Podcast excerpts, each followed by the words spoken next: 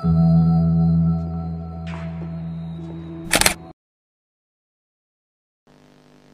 pagi. Selamat pagi, Coach. Apa kabar Mbak Nurul? Sehat? Alhamdulillah, sehat-sehat. Ya. Gimana pagi ini, Coach? Puasanya? Seger banget. Alhamdulillah, Hah? insya Allah lancar hari ini. Kalau kemarin Oh iya, siap.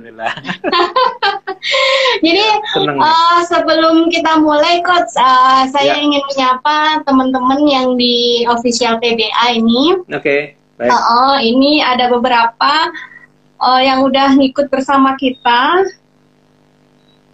Oke, okay, uh, hari ini uh, kita akan membahas tentang resiliensi ya.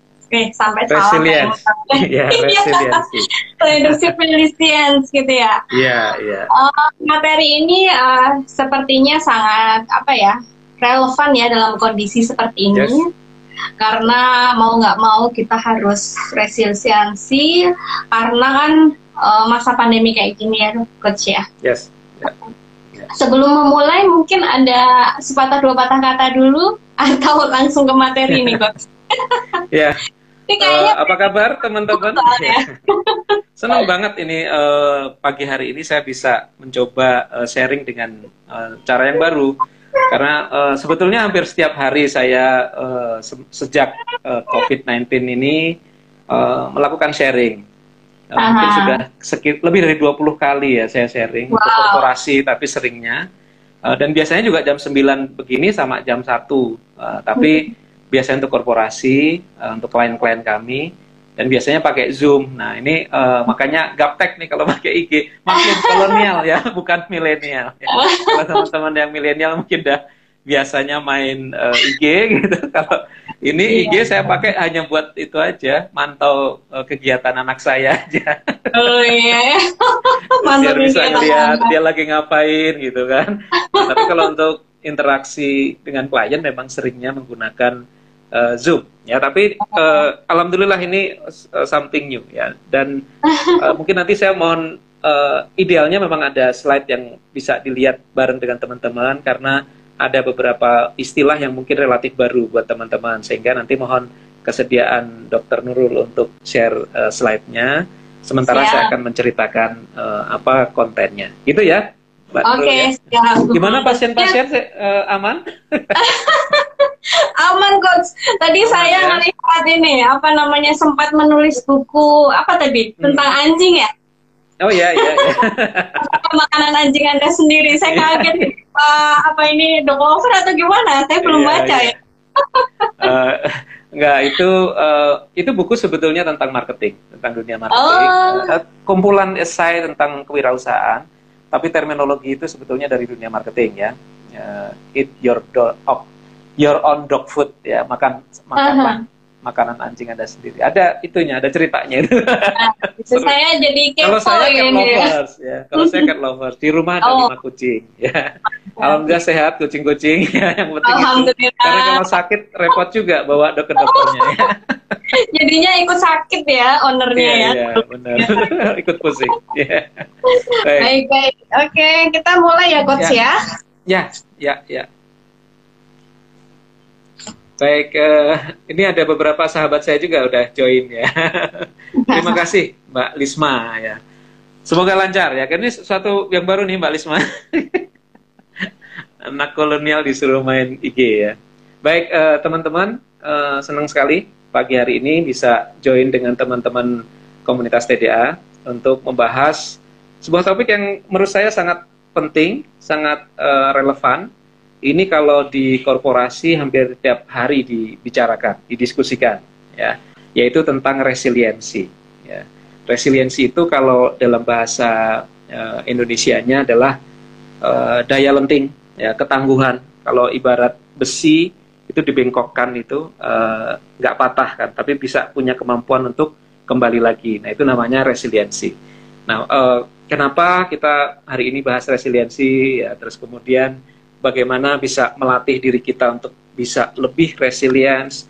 Lalu juga uh, tips-tipsnya nanti untuk uh, bisa lebih resilience tidak hanya untuk diri kita tapi juga untuk keluarga dan juga untuk tim kita. Nanti kita kita diskusikan. Semuanya ada di sini ya. Dan pagi hari ini saya senang banget oh seger banget fresh banget uh, cerah di Bandung hari ini.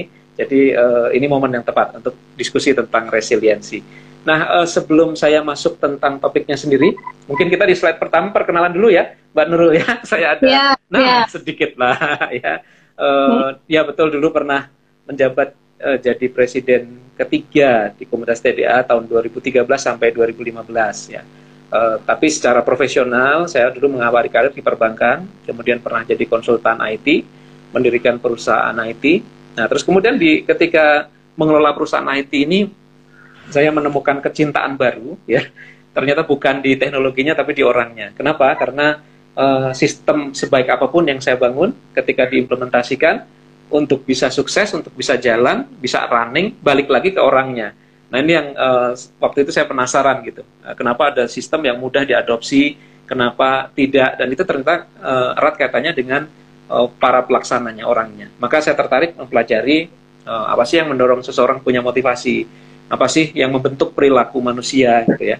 Nah uh, akhirnya saya masuk ke uh, dunia pengembangan tim, pengembangan SDM, kepemimpinan ya dan saya terus perdalam ternyata uh, di dalam dunia pengembangan SDM, pengembangan tim tidak hanya pelatihan, tidak hanya training, tapi ada satu cara yang super efektif menurut saya yaitu coaching. Maka saya nyemplung ke dunia coaching. Uh, belajar formal itu sejak tahun 2011 akhir ya. Terus kemudian uh, nyemplunglah ke korporasi, uh, bergabung di Kubik Group ya, uh, pimpinan Pak Jamil Azaini, lalu dipercaya uh, untuk mendirikan uh, Kubik coaching ya itu lembaga baru gitu ya. Jadi uh, saya ikutan di sana uh, tim Kubik ikutan di sana. Lalu kemudian kita bikin lembaga baru namanya Kubik uh, coaching. Karena alhamdulillah ternyata uh, para pemimpin korporasi itu uh, mereka orang-orang hebat yang dibutuhkan oleh mereka ternyata adalah coach ya bukan sekedar uh, diajari tapi juga di challenge untuk keluar kemampuan terbaiknya Nah ini, ini awal dari uh, kenapa saya dulu kemudian masuk ke dunia coaching. Nah senang banget hari ini bisa uh, kembali berinteraksi dengan teman-teman TDA sekalipun hanya lewat IG. Tapi kalau untuk uh, kita sedang work from home seperti ini, not bad lah ya bisa bisa berinteraksi lewat uh, online seperti ini. Kalau biasanya ya kita akan ketemu langsung ya. Uh, saya juga alhamdulillah sudah uh, hampir ke semua uh, uh, TDA wilayah ya, uh, terutama waktu uh, komunitas TDA punya inisiatif untuk mengembangkan uh, pelatihan kepemimpinan ya. Waktu itu kita bikin program-program di uh, rutin ya untuk untuk membangkitkan sense kepemimpinan masing-masing teman-teman. TDA Leadership Camp namanya waktu itu ya, sempat keliling ke hampir semua wilayah. Nah semoga nanti ada lagi ya, jadi uh, semoga COVID cepat berlalu dan uh, bisa ketemu saya langsung. nah, yeah. Iya. uh, agenda kita pagi hari ini, Mbak Nurul, nanti mohon dikontrol waktu saya ya, karena saya kalau sudah ngomong kadang-kadang uh, lupa waktu juga. Saya taruh jam sih sebenarnya, tapi kadang-kadang enggak ini, enggak kelihatan juga. Nah, agenda kita mungkin boleh, saya kodenya gimana kalau geser? Nah, gini aja ya. Iya, iya.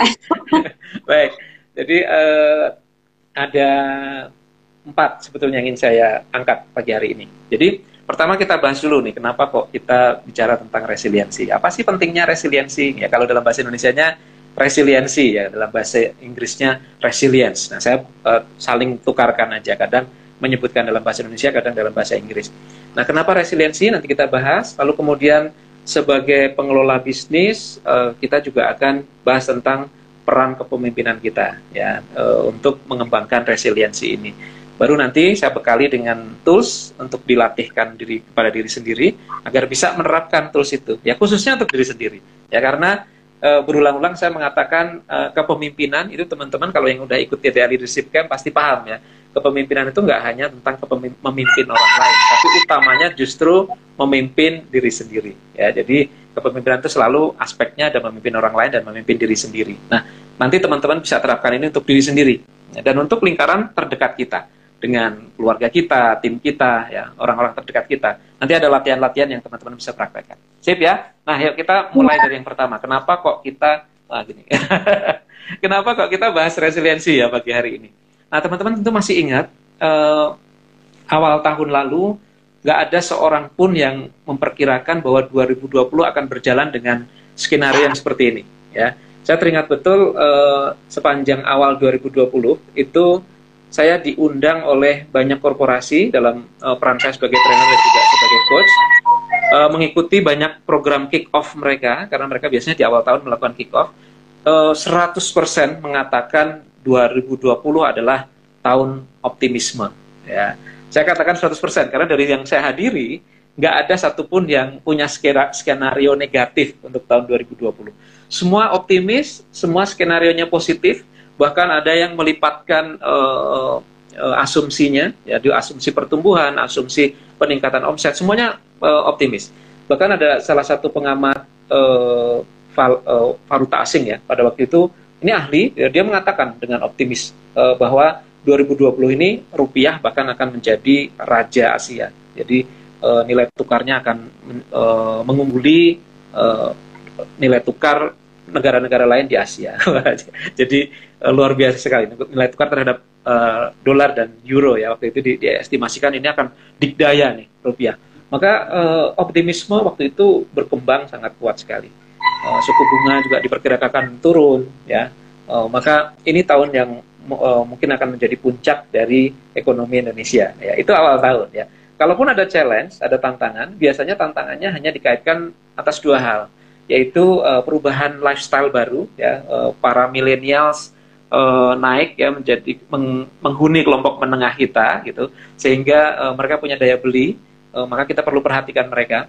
Dan uh, ada perubahan lifestyle. Kalau biasanya dulu kelas menengah itu identik dengan kepemilikan tapi kemudian muncul economic of sharing uh, suka traveling daripada memiliki rumah atau memiliki mobil gitu. Sehingga hmm. teman-teman di dunia uh, industri hanya melihat itu ya. Pertama ada ada challenge terkait dengan perubahan lifestyle. Nah yang kedua memang betul kita akui ada challenge terkait dengan disrupsi digital. Nah, ada cara-cara baru dalam uh, melakukan bisnis ataupun menikmati value yang ditawarkan oleh perusahaan mana pun uh, melalui channel-channel digital. Nah, dua challenge ini relatif uh, dua hal yang challenging but uh, menimbulkan optimisme juga karena artinya siapa pun uh, yang bisa beradaptasi terhadap dua hal ini uh, akan bisa berkompetisi ya. Jadi ramalannya hanya seputar dua hal itu ya umumnya.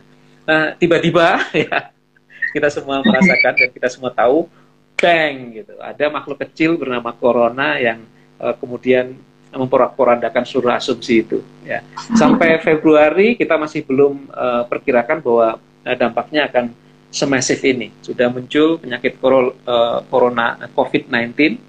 Uh, saya ingat anak saya yang tinggal di Belanda juga waktu itu konsultasi ke saya Februari pulang nggak? gitu. Pengen pulang dia karena Lebaran kan kemungkinan di sana. Saya bilang iya. Karena ya karena nggak menduga kan seperti itu. Jadi masih akhir Februari itu bahkan kita masih santai masih oke okay, gitu. Pulang terus kemudian dia balik lagi ke sana nah begitu tiba di sana waktu itu sudah masuk Maret uh, baru kita semua merasakan bahwa ternyata dampaknya lebih dahsyat dari yang kita perkirakan. Lalu muncul work from home, lalu muncul uh, lockdown dengan segala terminologinya ya. lockdown tapi istilahnya bukan lockdown. If you know what I mean.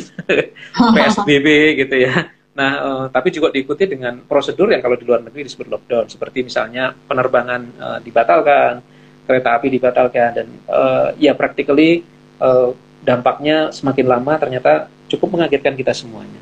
Ya.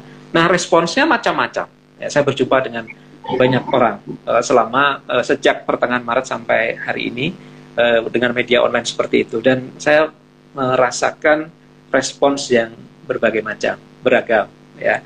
Uh, nah responsnya ada yang uh, cemas, ada yang takut, ada yang uh, khawatir, ya. Tapi ada juga yang ya ya sudahlah terima saja apa adanya seperti ini gitu. Macam-macam sekali responsnya. Nah sebelum saya lanjut ya, uh, saya ingin uh, teman-teman share dulu nih di ini bisa uh, komen kan ya. Uh, saya nyebutnya chat box ya karena biasa kayak zoom.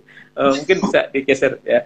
Uh, teman-teman sharing dong ke kami ya ke kita semua ya keterbukaan penting loh ini ya supaya kita bisa saling diskusi ya uh, respon teman-teman dan juga uh, timnya uh, terhadap krisis yang dipicu oleh COVID-19 ini seperti apa ya apa respons yang dirasakan nah itu uh, tolong di share kalau Mbak Nurul gimana responsnya Boleh sharing juga ya Mbak Nurul ya. Oke. Okay. Ya. Kalau dari saya dan tim uh, awalnya menganggap awalnya tuh biasa aja gitu seperti ya. yang tadi disampaikan. Terus kemudian tiba-tiba ada uh, apa ya dari pemerintah seperti ini akhirnya timbullah kekhawatiran.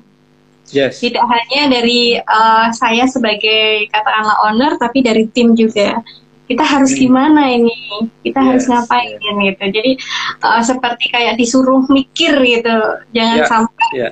kemudian uh, banyak yang istilahnya kolaps atau tiba-tiba hmm. PHK yeah, gitu yeah. Nah, Betul. kekhawatiran itu tidak hanya pada saya, tetapi ke tim juga muncul gitu, coach. Yes, betul. Nah itu uh, yang dirasakan oleh setelah ini hmm, gitu. Betul. yang dirasakan oleh Mbak Nurul dan juga tim itu uh, cukup common ya. Saya mendengar uh, banyak yang sharing uh, perasaan yang serupa ya. Ada yang uh, awalnya uh, santuy ya, woles aja gitu. Tapi begitu mulai ada kebijakan pembatasan gerak, uh, terus kemudian mendengar berita uh, kolapsnya beberapa perusahaan besar ya. Uh, mungkin kolaps terlalu keras bahasanya tapi ya PHK masalah ini. Semacam itu. Sama aja kan jadi eh, apa ya mulai ada PHK ada ada merumahkan karyawannya. Terus eh, kalau kita pantau hampir semua perusahaan mengenakan pemotongan gaji ya ada kemungkinan THR tidak dibayar eh, ya karena mereka harus maintain cash flow sampai sekian bulan dan kita belum tahu eh, COVID-19 ini akan berlaku berlalu di bulan apa gitu. Nggak ada satu ahli pun yang bisa memprediksi ya. Jadi e, karena situasinya demikian maka e, muncul perasaan-perasaan tadi gitu ya. Nah teman-teman yang ingin share tentang apa yang dirasakan boleh ya di komen e, supaya nanti bisa kita kita tanggapi ya. Jadi supaya ini interaktif ya. Saya senangnya kalau pakai e, media seperti Zoom itu kita bisa dua arah gitu ya. Nah, tapi nggak apa-apa. Kalaupun mau di tip dulu, boleh ya. Sambil saya lanjut ya materinya. Iya. Nah, ini kalau, ada yang hmm. sharing coach. Jadi oh, uh, ya, dari Pak Bimo Prasetyo katanya khawatir. Oh, khawatir. Terus juga komen juga diam aja coach nggak ngerti apa-apa. Bagaimana okay. khawatirkan tim tidak siap adaptasi lawan yes. corona. Terus yeah, bagaimana yeah, ya. tanggapannya? Yeah. Wah, Kemudian ini, Bimo ya. Oke. Guru saya ini ngetes jangan-jangan. Terus ada, ada yang deg-degan. Jadi oh, ya. dia sulit ambil keputusan yang tepat gitu. Yes, yes. Okay, Terus okay. ada juga nah. yang ya, saya bacakan ya. dulu Oh, lanjut coach. Boleh dibacakan satu dua lagi, silakan. Iya, uh, ada yang ini juga saya jualan mainan edukasi dan buku edukasi. Pernah akan istirahat, tapi ternyata malah situasi seperti ini banyak ibu-ibu yang mencari mainan edukasi dan hmm, buku anak-anak. Berarti ini bisa membaca peluang ini, coach. Awalnya yes, malah yes. khawatir, terus kemudian ternyata yeah. oh peluang gitu.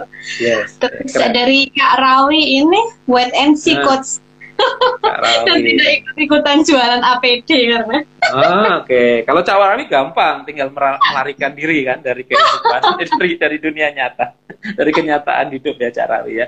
Oke, okay, baik teman-teman terima kasih sudah sharing ya. Uh, nah, uh, untuk mereka yang mampu memberi nama uh, perasaannya, saya ucapkan congratulations karena itu salah satu langkah awal dari uh, kedewasaan kita ya kita mampu mengenali perasaan kita dan kemudian melabelinya, itu artinya Anda punya kemampuan mengelola perasaannya. Jadi uh, Pak Mo dari Pak Bimo tadi uh, thank you bagus Pak uh, guru saya ini. Jadi uh, Pak, sudah bisa menamakan oh saya sedang khawatir gitu.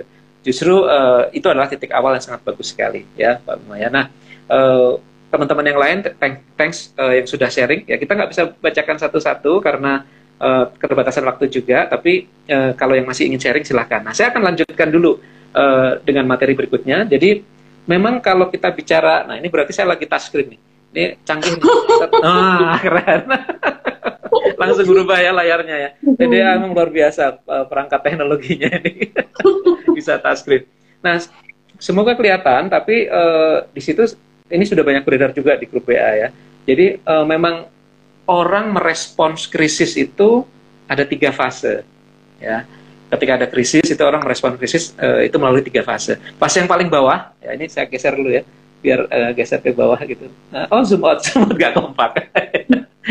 Jadi yang uh, pertama itu fear zone. Orang yang masih berada di zona ketakutan. Jadi ketika krisis terjadi dan uh, di, dicekam rasa takut, itu berarti kita sedang berada di uh, fear zone, zona ketakutan. Ya, jadi memang memang wajar dan memang ada zona itu dan kalaupun kita saat itu masih berada di sana, ya wajar karena oh, banyak yang berada di sana gitu. Cirinya apa? Kita masih berada di fear zone. Biasanya respons kita, tindakan kita itu uh, spontan ya, di atas dasar panik. Karena panik, ketakutan, maka kita merespons. Jadi responsnya atas, dasar rasa rasa takut, rasa panik gitu. Nah, uh, dan biasanya juga uh, kita jadi sibuk menyalahkan pihak lain jadi nyari-nyari siapa yang salah gitu ya, merasa jadi korban. Kalau teman-teman masih ingat materi uh, eh, TDA Leadership Camp, itu ciri orang yang belum punya kemampuan memimpin diri sendiri kan, masih menyalahkan pihak lain, merasa menjadi korban gitu ya. Terus akhirnya fokusnya pada hal yang di luar kendalinya, apa yang dia tidak bisa kendalikan. Ya COVID-19 memang terjadi, keputusan untuk lockdown atau enggak bukan di tangan kita gitu. Tapi justru itu yang kita kita uh, perhatikan setiap hari gitu. Kalau ada uh, berita tentang COVID, wah uh, sibuk disebar-sebarkan gitu ya. Ya itu kita nggak bisa apa-apakan juga gitu. Penting kita uh, pantau berita, tapi uh, terlalu obsesif dengan berita juga akhirnya membuat kita tidak bisa uh, bergerak ke mana-mana karena pikiran kita disibukkan dengan sesuatu yang tidak bisa kita apa-apakan juga gitu. Ya, paham ya maksudnya ya. Jadi karena fokusnya di situ akhirnya malah nggak bisa bergerak, nggak bisa maju, ya karena hanya memikirkan hal yang memang tidak bisa kita apa-apakan. Nah, uh, ini orang yang berada di fear zone. Sebagian besar orang ketika krisis ini mulai uh, punya dampak ekonomi, masuk ke fear zone ini. Bahkan tadinya tidak masuk ke zona mana pun tuh ya, cuek gitu ya, ala corona, pas ini paling kayak flu burung dulu cepat berlalu gitu, uh, acuh gitu. Ini begitu loh, kok ada yang dirumahkan? Loh, kok nggak boleh ke sana kemari? Loh bisnis kok pada slow down? Order mulai nggak masuk. Nah mulai masuk ke fear zone dan mulai nyalahkan orang lain mulai memikirkan hal yang tidak bisa dikendalikan. Kita berada di fear zone. Ya, ada berita negatif dikit disebarkan ya uh, hal semacam itu uh, indikasi bahwa kita masih berada di sana. Nah ada uh, zona yang lebih baik dari itu. Ya, jadi uh, ini harapan kita semua bahwa kita tidak terjebak di fear zone tapi bisa move ke level yang di atasnya yaitu learning zone ya. Mampu melihat uh, bisa menerima hal-hal yang yang tidak kita kontrol itu ya memang ada dan kita terima gitu. Dan kita mulai fokus kepada hal yang bisa kita kendalikan ya. Lalu mulai uh, lihat peluang ya, tadi beberapa komen juga sudah masuk ke sana ya bahwa kita sudah mulai bisa melihat oh ya uh, oke okay, memang COVID-19 terjadi memang kenyataannya kita lagi PSBB uh, kita terima dan memang klien saya belum bisa menerima uh, bisa belum bisa membuat keputusan apa pun hari ini kita terima. Nah, tapi uh, dengan penerimaan itu justru kita nyari kalau begitu yang bisa kita kerjakan apa ya? Mulai bertanya begitu. Uh, yang ini nggak bisa kita kerjakan, lalu yang bisa kita kerjakan yang mana ya? Dia mulai mencari pembelajaran dari peristiwa yang sedang dia hadapi. Ini berarti dia sudah masuk ke learning zone, ya. Bahkan lebih bagus lagi ketika nanti masuk ke growth zone, ya. Zona pertumbuhan bahkan mampu menjadikan krisis ini uh, sebagai titik untuk lompat lebih tinggi lagi ya dan itu sangat bisa karena uh, hampir semua uh, pelaku bisnis hebat ya yang hari ini saya kenal itu lahirnya saat krisis. Krisis 98 di antaranya. Saya kebetulan uh, sudah melalui tiga krisis. Ya. banget ya. 98 itu saya udah ngalamin gitu ya. Jadi uh, dari situ lahir loh banyak uh, pengusaha hebat yang hari ini jadi jadi konglomerat. Yaitu uh, dulu 98 waktu saya bekerja di Badan Penyataan Perbankan Nasional. Itu baru unyu-unyu gitu. Mereka baru uh, ngebeliin aset dan sebagainya tapi hari ini luar biasa sekali. Maka uh, justru krisis itu juga dijadikan titik awal untuk growth zone gitu. Mulai uh, proaktif menciptakan uh, kondisi yang dia ingin capai nanti ketika krisis ini berlalu gitu. Lalu uh, juga mulai peduli pada pihak lain ya. Uh, nah PDA juga sudah mulai ke sana ya. Tapi uh, pedulinya itu biasanya kalau sudah beres juga dengan uh, area fear zone dan juga learning zone gitu ya uh, jadi uh, diikuti dengan itu kalau peduli tapi tidak diikuti dengan dua fase ini uh, saya khawatir seperti lilin yang terbakar tapi sampai habis gitu ya. ya, uh, lilin itu menerangi tapi juga dia harus uh, mampu me membuat dirinya sustain untuk terus menerangi gitu ya. Jadi yeah. itu yang terbaik. Nanti kita kita cari caranya ya. Nah, uh, ini responsnya, respons terhadap uh, krisis seperti itu. Dan uh, ternyata topik ini tidak hanya jadi concern kita di sini ya. Nah, kita geser ya. Uh, bahkan para pemimpin dunia uh, itu juga mengamati hal yang sama. Lembaga-lembaga dunia juga uh, mengamati hal yang sama. Uh, salah satu yang saya suka adalah apa yang diangkat oleh ini lembaga dari Australia. Uh, dia mulai mengangkat topik tentang organizational resilience, daya lenting, daya tahan organisasi, gitu ya. Uh, mereka ingin organisasi itu lebih resilience. Dan uniknya, ya, resiliensi ini sebelumnya jarang disebut-sebut. Ya. Saya banyak membantu uh, perusahaan, korporasi untuk uh, menumbuhkan kepemimpinan mereka ya uh, melalui Kubik Group. Nah, uh, biasanya request yang masuk ke kita itu kemampuan-kemampuan yang mau ditumbuhkan para pemimpin ini. Ini biasanya seputar kemampuan yang pembuatan keputusan, ya, kemampuan untuk uh, problem solving, kemampuan untuk berinovasi, uh, kemampuan komunikasi, gitu, kemampuan mempengaruhi orang lain kemampuan menciptakan terobosan. Seperti itu ya. Itu uh, common topic gitu. Tapi nggak nggak ada gitu ya. Bahkan saya bisa berani bilang nggak ada ya, yang uh, mengangkat uh, bagaimana seorang pemimpin mampu untuk melenting dari kondisi yang tidak diharapkan atau resiliensi ini. Jadi ini uh, di masa kemarin-kemarin nggak nggak banyak diangkat nih resiliensi tapi kemudian di, mulai diangkat kemudian juga ada salah satu konsultan yang uh, menulis bagus banget nih. Uh, ini dari Deloitte saya kutip ya.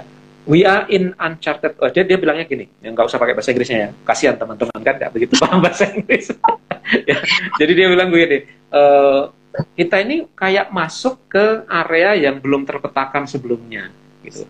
Tapi para pemimpin uh, harus bisa membuat keputusan secara cepat gitu untuk kepentingan organisasinya. Jadi bayangkan masuk ke ibarat naik kapal gitu ya, masuk ke area yang belum terpetakan, uncharted waters gitu, uh, perairan yang belum terpetakan gitu. Tapi harus cepat membuat keputusan, belok kiri apa kanan gitu, terus apa berhenti dan sebagainya. Ya, uh, bahaya sekali kan kalau nabrak kayak Titanic gitu, uh, bisa tenggelam malah kapalnya gitu. Jadi para pemimpin ini dituntut untuk membuat keputusan cepat, tapi di area yang bahkan mereka belum pahami. Wah kan. Uh, serem gitu ya. uh, yang yang terakhir ada yang mengingatkan juga nih uh, dari uh, European Union ya, jadi masyarakat dari Eropa waktu itu ada sebuah event gitu. Saya pantau, saya lihat uh, menarik nih uh, statementnya bahwa uh, beliau mengingatkan resilience before reinvention. Ya. Kan kebanyakan sekarang para pelaku usaha langsung berpikir tentang reinvention. Ya, bisnisnya mau diubah menjadi apa gitu ya uh, wah semuanya jualan masker gitu, semuanya jualan hand sanitizer gitu ya. Nah itu berarti membuat membuat reinvention positif, bagus. Tapi perhatikan, sudah cukup resilience belum orang-orangnya? Ya timnya cukup resilience belum? Ownernya cukup resilience belum? Ya, karena uh, butuh kemampuan resilience dulu ya. Uh, sebaiknya nih ya punya kemampuan resilience lalu diikuti dengan upaya reinvention tadi. Ya. Otherwise nanti ketika ada hal-hal yang tidak diinginkan dia bisa patah. Ya. Sudah capek-capek bikin APD, ternyata peraturan mengatakan nggak boleh pakai bahan itu. Bukan gitu ya. ya. Wah, gulung uh, ngedrop dan makin patah gitu. Jadi akhirnya uh, bukannya bertahan tapi malah rontok. Karena apa? Karena tidak dibekali dengan resiliensi. Maka saya mengingatkan part itu. Ya, saya mengapresiasi teman-teman yang mendorong reinvention tapi saya juga mengingatkan ikuti itu dengan uh, resilience. Dan itu bukan kata saya ya, itu kata ahli, ya. kata kata yang lebih ahli ya. Uh, mereka mengatakan begitu, resilience before reinvention. Nah maka uh, nanti kapan-kapan kita bahas ada tiga uh, step ya, uh, mulai dari uh, survival, ya, kemudian uh, kalau kita sudah, sudah, jadi orang tuh menghadapi krisis tuh bisa bisa tiga skenario nya. Dia sekedar ingin uh, survive gitu ya. Dia dia ingin bertahan uh, dia yang penting survive. Yang kedua malah uh, ini ada market baru yang uncharted tadi saya mau eksploitasi gitu. Dan ada yang malah justru mau mendisrupsi ya. Disrupsi di tengah uh, situasi yang yang challenging itu. Itu betul semua dan itu bagus semua. Kalau mau dibahas itu juga uh, let's do it gitu ya. Tapi kalau saya mengingatkan satu dulu ya sebelum kita masuk ke tiga hal tadi gitu ya, uh, bekali dulu kita untuk bisa resilience. Sip ya. Jadi punya daya tahan, punya uh, kemampuan bertahan dulu sebelum kemudian kita uh, berpikir tentang reinvention tadi ya. Nah, uh, ke, itu resilient uh, kenapa kok resilience? Nah, resilience sendiri uh, apa sih gitu ya? Coba kita lihat ya. Uh, dari tadi saya bilang resilient resilient tapi nggak jelaskan gitu artinya. Nah, resilient sendiri maksudnya itu simple sebetulnya, ya, yaitu kemampuan untuk pulih dan memantul kembali, bounce back itu memantul kembali, bukan mantap betul ya, tapi memang mantul gitu. uh, jadi kemampuan untuk pulih dan mantul gitu, bounce back dari uh, keadaan sulit, dari setback, dari kemunduran, jadi kemunduran dan juga keadaan sulit, lalu merasa lebih kuat dan juga lebih mampu untuk menghadapi situasi ke depan dari dibanding keadaan sebelumnya. Jadi dibanding keadaan sebelumnya dia lebih mampu, uh, lebih merasa lebih kuat. Ya. Nah itu berarti resilience. Jadi kalau bertahan saja itu survivor tadi yang saya ceritakan itu belum tentu dia, dia resilient. Maka itu dua hal yang berbeda. Survivor uh, kemudian eksploitas exploit jadi ada tiga. Survive exploit disrupt itu satu hal gitu ya. Tapi ada hal lain yaitu kita bekali diri kita dengan uh, kemampuan resiliensi ya. Jadi kita harus mampu untuk untuk resilience dulu. Nah uh, supaya apa? Supaya nanti ketika ada keadaan yang tidak diharapkan kita bisa bounce back bisa mantul kembali bisa recover merasa lebih kuat ya dan juga lebih mampu Oke, sip ya jadi ini ini resilience terus teman-teman kalau ada pertanyaan langsung saja di komen Nanti mohon kesediaan Mbak Nurul untuk membacakan pertanyaannya ya. Jadi saya juga ya. butuh, uh, ya, sebelum uh, melanjutkan, saya mau. Oke, okay, silakan. Uh, ya. Materinya ini nanti tidak akan di-share, jadi teman-teman hmm. misalnya mau mencatat atau ya, mau mencatat monggo gitu, karena nanti yes. materi yes. ini hanya khusus untuk live aja ya coach ya. Betul, hanya untuk live supaya nanti kalau ada lagi uh, hadir lagi. ajak temannya. ya, okay. ini nah, ya lanjut ya coach ya. Belum ada, belum ada. Oh, belum. Oke. Okay. Jadi kalau ada pertanyaan langsung saja di komen nanti Mbak Nurul yang akan membacakan ke saya. Uh, karena saya fokus fokus untuk ya. untuk uh, bicara gitu ya. Nah uh, itu pengertian tentang resilience. Maka uh, dengan dari pem, uh, apa, pemahaman tentang resilience tadi, teman-teman saya harap uh, sudah punya uh, cara pandang yang sama ya tentang apa itu resilience. Nah tentu pertanyaan berikutnya adalah supaya saya bisa memastikan diri saya resilience, ya, uh, faktor apa yang bisa kita uh, perlu menjadikan ukuran gitu ya, patokan kita bahwa kita sudah cukup resilience. Yuk kita lihat Pak Durul. Nah ini untuk membantu kita maupun melihat uh, apakah tim kita sudah cukup resilient atau belum. Nah ada tiga faktor uh, yang bisa membuat kita uh, menyatakan bahwa yes uh, kita resilience gitu uh, dan oh tim saya sudah resilience, oh keluarga saya sudah resilience, oh teman-teman saya cukup resilience. Nah itu ada ada tiga ya ada tiga. Nah yang pertama ini menarik nih. Ternyata orang-orang yang punya kemampuan untuk resilient itu uh, dia bisa menerima kenyataan. Yang pertama itu acceptance of reality. Itu ciri bahwa dia uh, resilient. Dia accept reality. Jadi uh, malah orang yang resilient itu bukan orang yang uh, seolah nggak mau nerima kenyataan gitu ya. Wong faktanya sudah uh, jelas kok COVID-19 19 belum ada obatnya, belum tahu kapan selesai.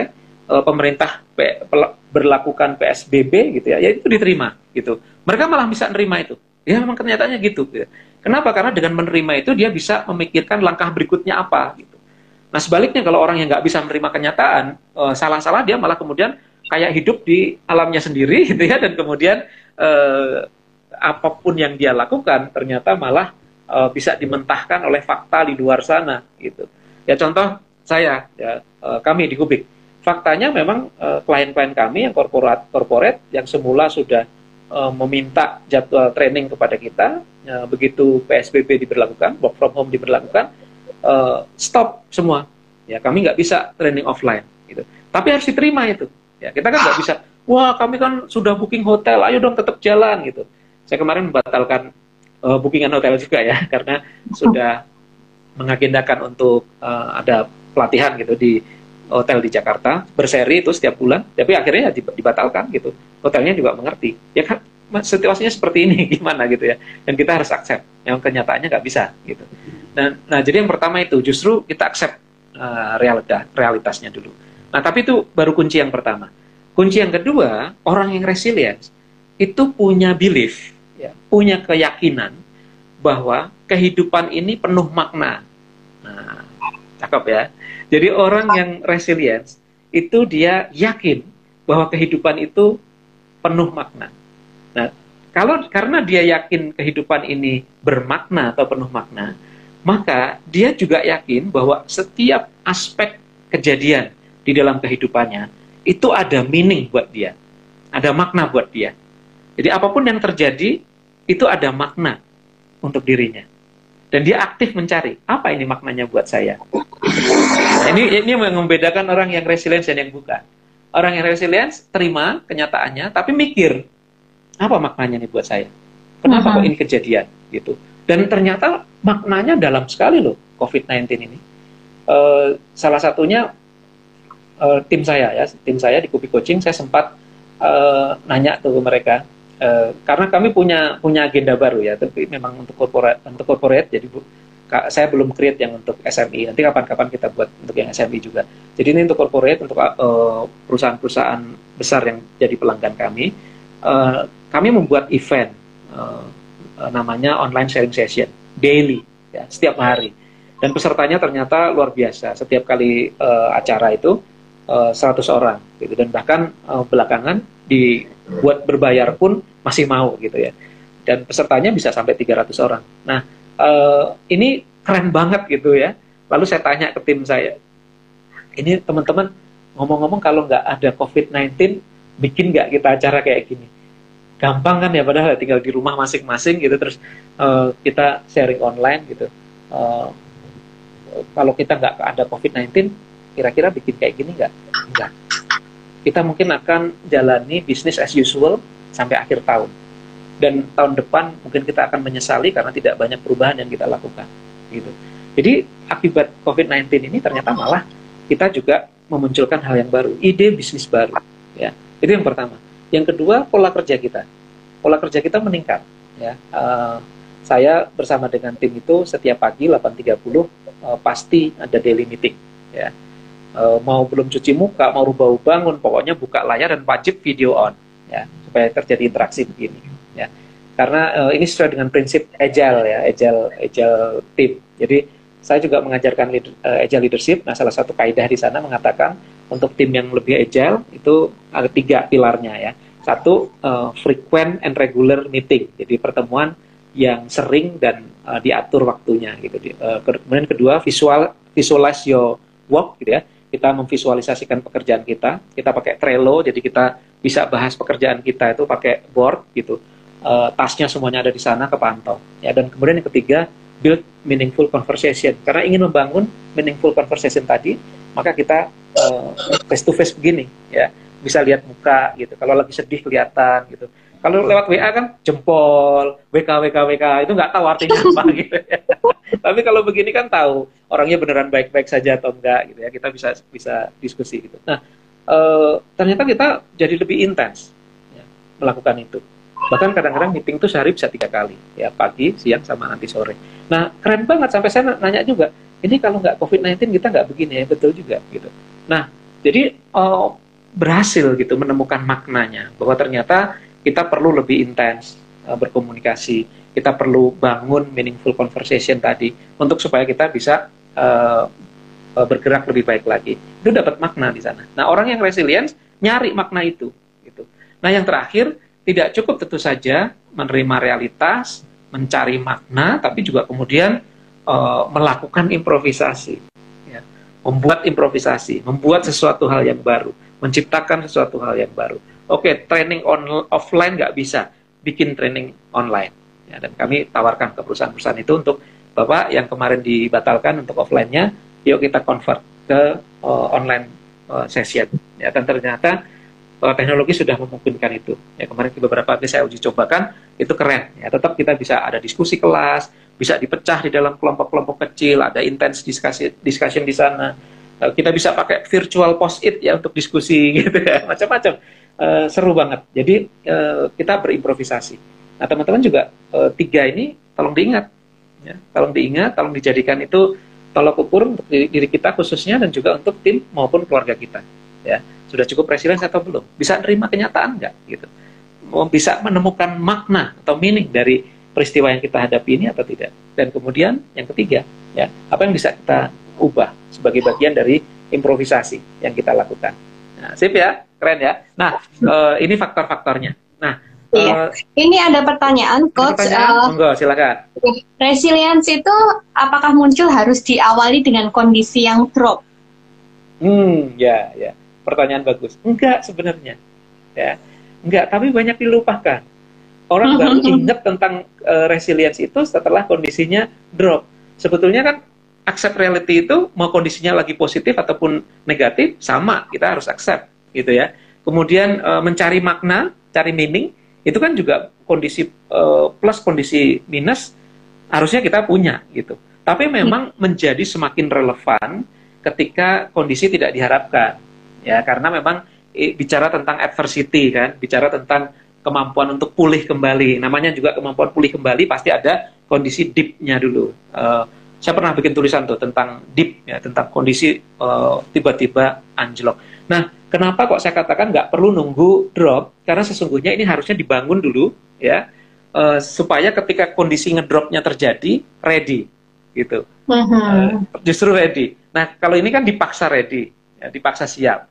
Nah, sebaiknya setelah sekarang teman-teman tahu uh, kondisinya seperti apa pun, kita latihkan otot resiliensi itu. Kenapa saya kemarin minta judulnya ya di Indonesia kan, kalau kerennya leadership resilience gitu. Tapi kalau kalau uh, dibuat secara lebih uh, populer bahasanya nguatin otot gitu ya. Nguatin otot kan nggak nunggu berantem gitu atau ngelatih jurus silat itu kan nggak nggak perlu nunggu musuhnya datang gitu ya. Tapi setelah ototnya terlatih, begitu ada kondisi tidak diharapkan terjadi kita siap gitu. Nah, gitu. Jadi uh, pertanyaannya bagus, thank you.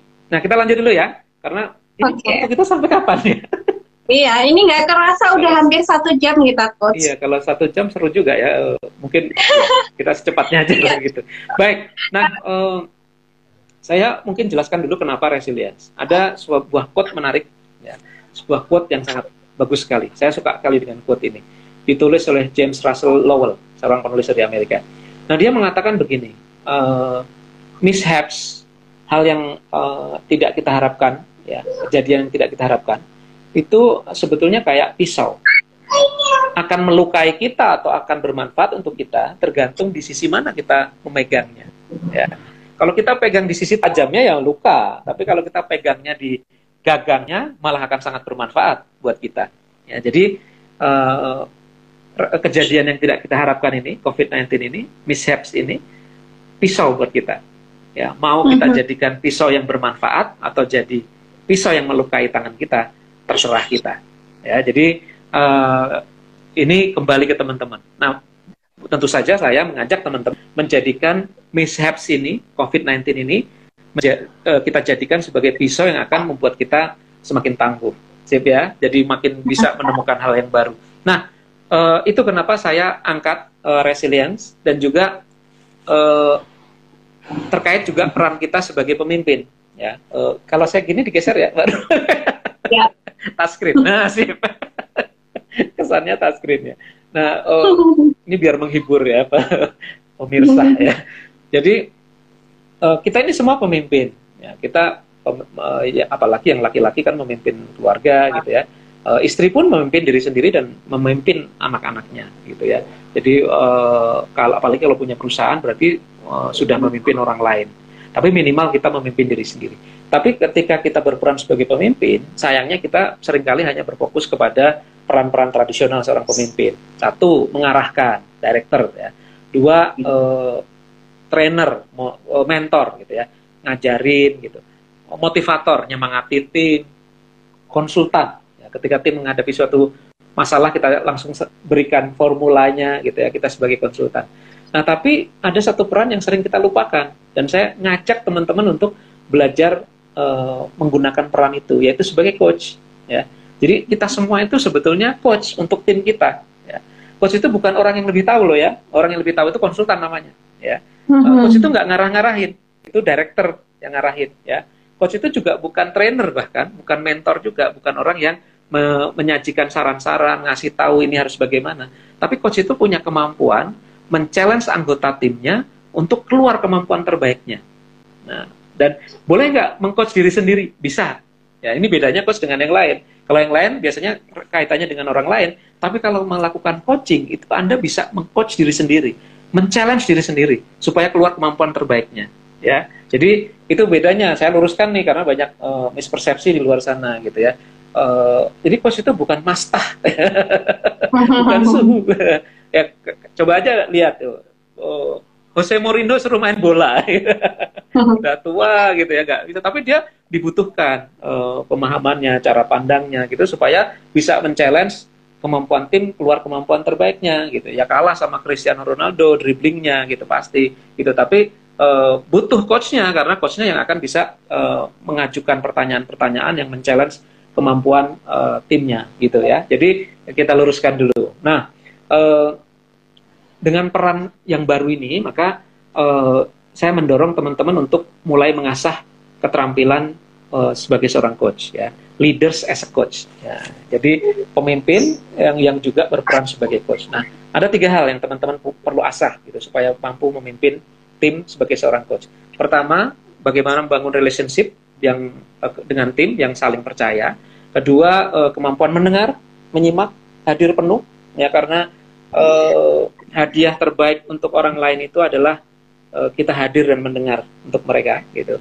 Lalu kemudian kemampuan mengajukan pertanyaan yang tadi men-challenge kemampuan pemikiran uh, mereka. Nah, berbekal tiga kemampuan ini, maka saya perkenalkan uh, tiga alat bantu ya, tiga alat bantu untuk uh, co melakukan coaching pada diri sendiri maupun kepada orang lain. Jadi nanti bisa kita mengcoach diri sendiri maupun mengcoach orang lain. Nah, tiga alat oh, bantu ya. ini uh, adalah alat bantu untuk ya. Ya, uh, ya. Uh, mohon maaf nih uh, ya. karena kita Instagram itu cuma ada satu jam. Karena oh, ya, ini kan ada nih sayang kalau misalnya kepotong. Ya. Uh, jadi uh, sementara untuk sesi satu kita off kan dulu karena oh, kalau iya, enggak iya. nanti langsung dimatikan sama Instagram. Jadi kita oh, Oke, okay, baik, baik. Oke, okay. siap, siap, siap. ya, kita sambung ini, ya nanti ya. Iya. Siap. Uh, sayang banget siap. nih kita lagi ngobrol seru-serunya tentang tools ternyata harus kepotong.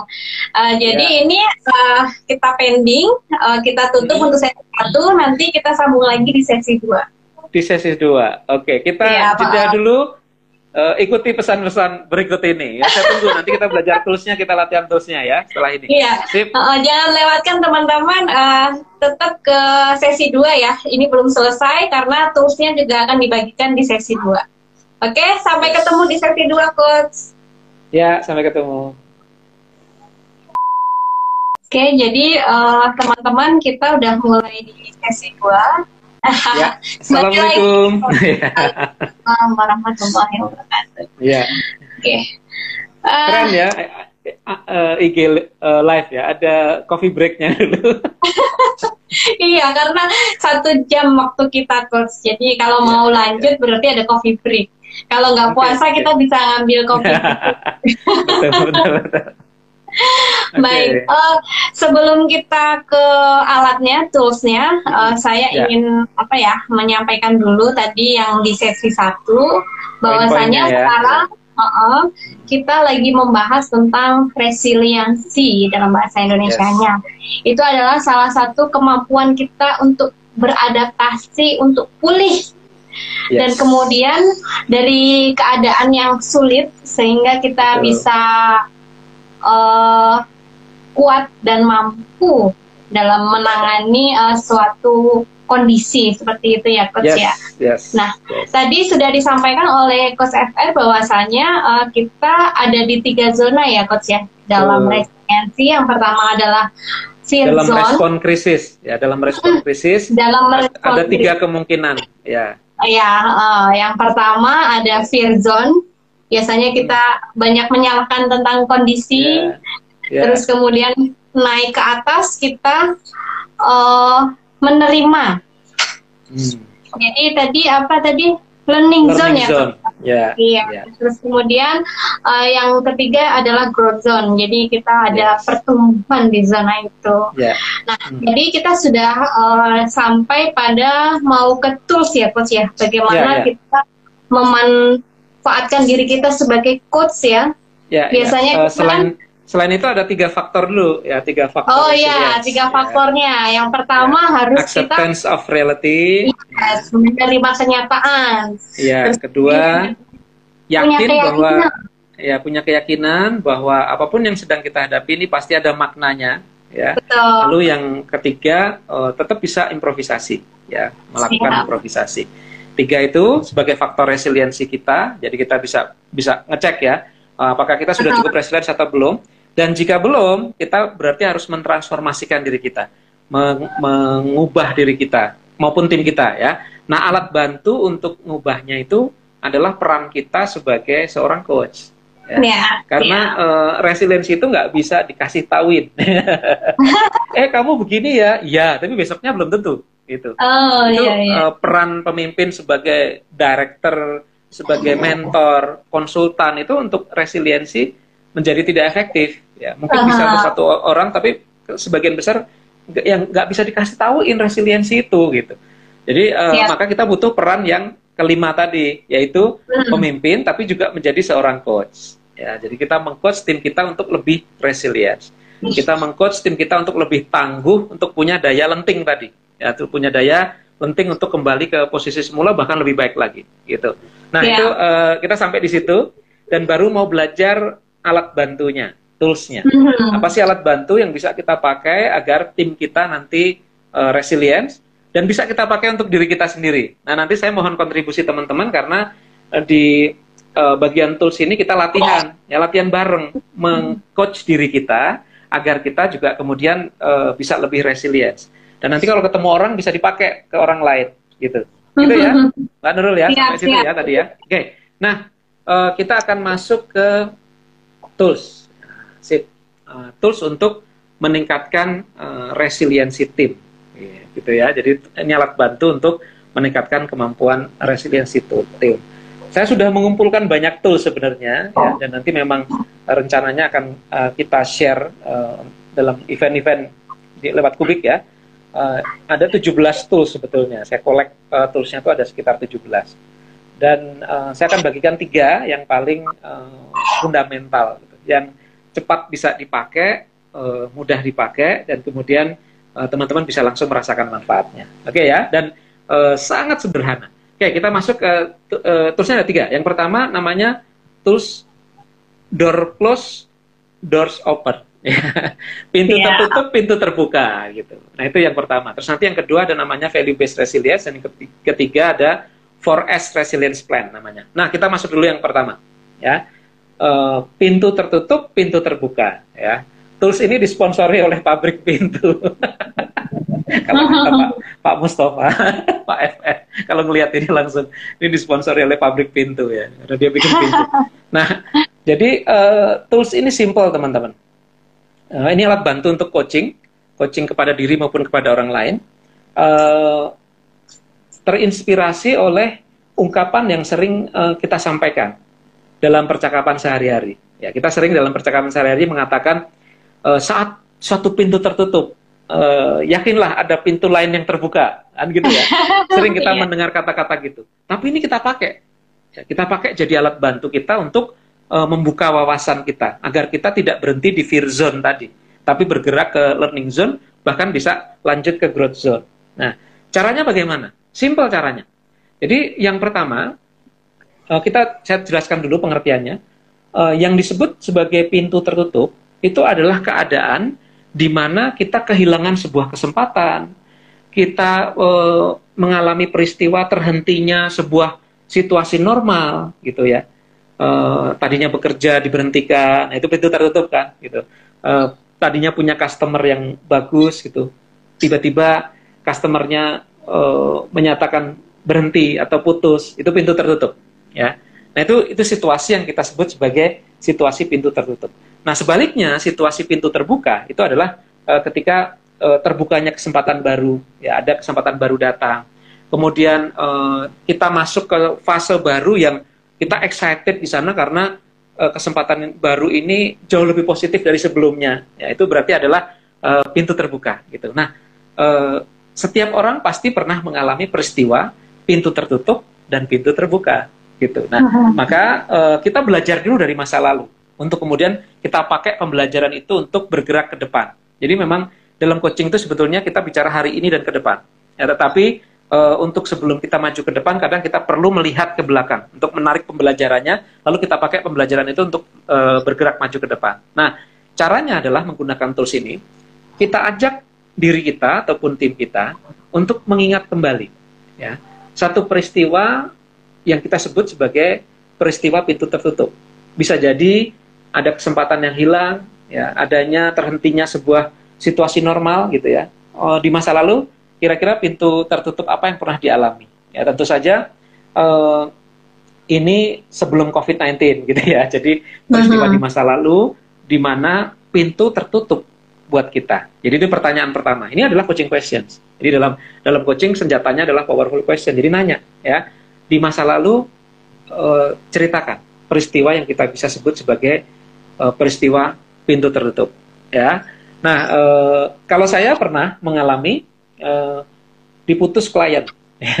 Saya punya perusahaan IT ya saya punya perusahaan IT melayani klien klien ideal nih ya perbankan.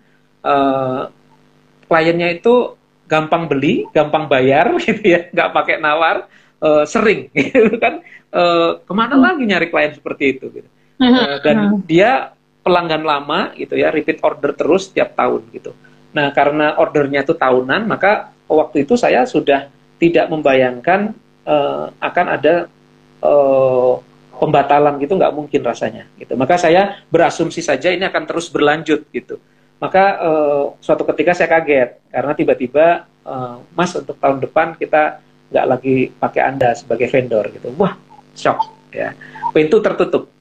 Ya, bahkan kalau sekarang saya ingat-ingat kembali, itu bukan lagi bukan cuma pintu tertutup, ya, pintu dibanting di depan saya. Eh, nah, itu itu kejadian pintu tertutup yang pernah saya alami. Maka saya undang nih teman-teman. Uh, kira-kira peristiwa pintu tertutup apa yang pernah dialami gitu ya. Uh, kalau Mbak Nurul pernah mengalami pintu tertutup? Boleh sharing juga, Pak? Apa yang uh, pernah dialami di masa lalu ya? Iya di ya. masa lalu. Uh, sama sih sebenarnya klien ya. Hmm. Kalau hmm. kita sebagai dokter hewan gitu kan, ketika ada klien yang udah percaya sama kita, itu kan yeah. gampang banget ya. Istilahnya Betul. ya berapapun dibayar asalkan hewan saya tuh fine gitu. Nah yes, itu yes, yes. dia mau apa aja. Ketika kita ngomong A ya A gitu. Yeah. Tapi suatu ketika uh, dia tiba-tiba berpaling hati gitu kan. berpaling Sakit rasanya gitu ya. iya, jadi uh, dengan kondisi nyaman dia mau bayar apa berapa aja, terus kemudian dia juga uh, dengan saran kita dia juga mau, terus kemudian tiba-tiba memutuskan untuk tidak ke tempat kita lagi gitu. Yeah, nah yeah, itu yeah, betul. tamparan berat juga, coach. Yes. itu contoh pintu tertutup ya. Jadi teman-teman coba lihat reflect ke belakang peristiwa pintu tertutup apa yang pernah dialami ya. Uh, bisa jadi uh, dalam kehidupan ya, bisa juga dalam bisnis, dalam kehidupan profesional maupun kehidupan personal ya. Karena pintu tertutup ini mungkin saja dalam kehidupan personal gitu. Uh, di uh, tolak cewek diputusin ya. bisa jadi ya. Eh, apa pun itu ya. Tapi yang, yang penting adalah terputusnya sebuah situasi normal yang tadinya uh, buat kita uh, sangat nyaman gitu, terus uh, ada kesempatan yang hilang itu juga uh, pintu tertutup. Nah, uh, sebagai orang yang sedang melatih resiliensi, kita nggak berhenti sampai di situ. Kita nggak berhenti pada mengidentifikasi pintu tertutup, tapi kita lanjutkan dengan pertanyaan berikutnya, yaitu apa makna tertutupnya pintu tersebut bagi kita, ya. Karena pintu tertutup ini pasti membawa makna buat kita. Maka penting untuk kita menanyakan pada diri kita maknanya apa. Kalau saya tadi diputus oleh klien itu, ternyata, ternyata maknanya waktu itu itu shock banget bu saya. Ya karena uh, terus terang portfolio terbesar kita ada di dia. Jadi uh, pendapatan terbesar kita itu ada di uh, klien tersebut. Dan tiba-tiba uh, memutuskan maka uh, hilang uh, pendapatan gitu. Nah uh, saya nggak menyangka karena hubungan kita baik dan komunikasinya rutin gitu tapi ada satu hal yang uh, waktu itu pembelajaran yang saya petik dari sana, yaitu ternyata pembelajarannya adalah maknanya buat saya adalah uh, kita tidak boleh mengandalkan manusia. Gitu. Hmm. Itu yang waktu itu saya ring bell ke saya itu tiba-tiba saya langsung merenung terus kemudian mengatakan, oh iya ya, nggak boleh kita itu mengandalkan manusia. Ya, karena seolah-olah rezeki saya tergantung pada perusahaan tersebut.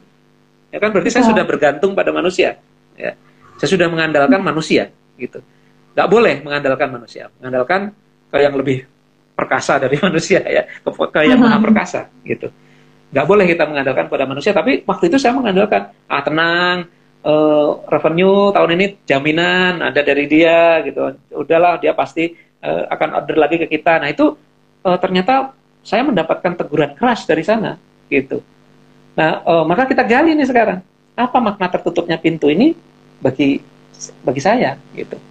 Lalu uh, kemudian ambil pembelajarannya.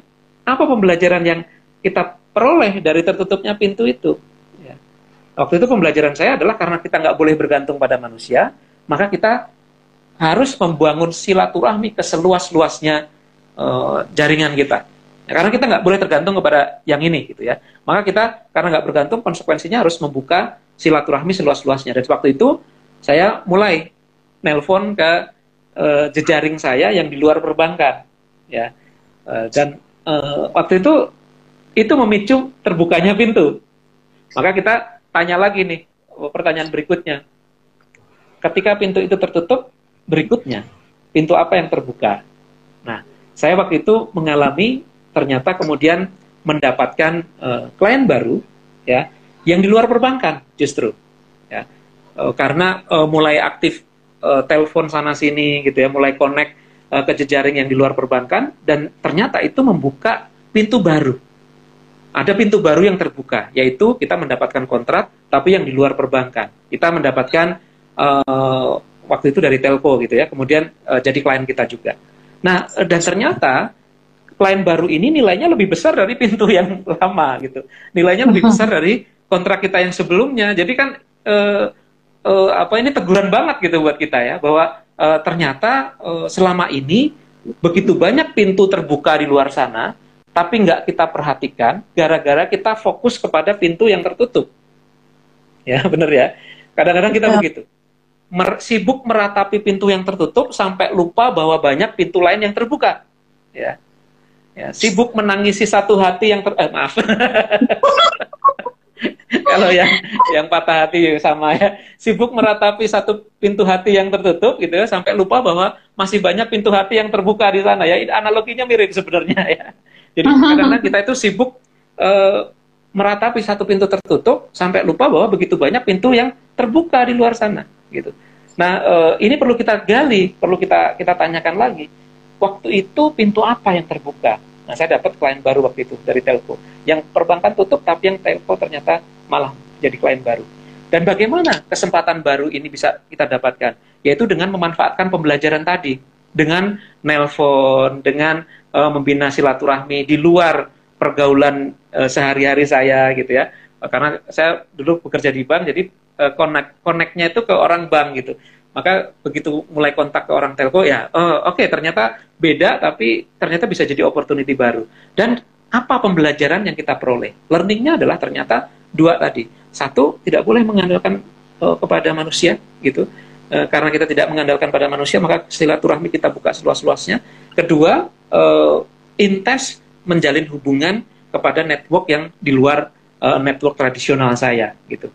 Dan ternyata itu yang kemudian memicu terbukanya pintu pintu baru, gitu. Nah, pertanyaan saya sekarang ke teman-teman, boleh di-share ya di komen, ya. Pernah ngalamin nggak kayak gitu, ya? ada pintu tertutup tapi kemudian diikuti dengan pintu yang terbuka ya apa maknanya dari pintu tertutup itu dapat pembelajaran apa gitu dan uh, pembelajaran dan makna inilah yang akan kita jadikan bekal menghadapi COVID-19 ini. Ya, karena biasanya uh, relevan. Ya. Pembelajaran itu selalu relevan di setiap situasi dan uh, dan uh, era gitu ya, zaman gitu ya. Contoh ya, uh, tadi saya dapat pembelajaran bahwa nggak boleh bergantung pada manusia gitu. Sekarang diingetin lagi ya dengan COVID-19 ini sama ya. Kita mengandalkan klien-klien besar. Wajar kalau B2B itu kan begitu dapat klien besar, wah ini kita sayang betul gitu. Tapi bayangkan begitu saya satu klien besar saja menyatakan, Pak trainingnya kita nggak bisa jalankan karena kita lagi work from home. Wah, masa berhenti sampai di situ gitu. Balik lagi, ternyata kita juga harus Eh, nggak boleh bergantung pada manusia dan harus membuka jejaring seluas-luasnya di luar hubungan tradisional kita supaya tadi nemu hal-hal baru. Itu buat saya ya. Kalau teman buat teman-teman mungkin pembelajarannya beda.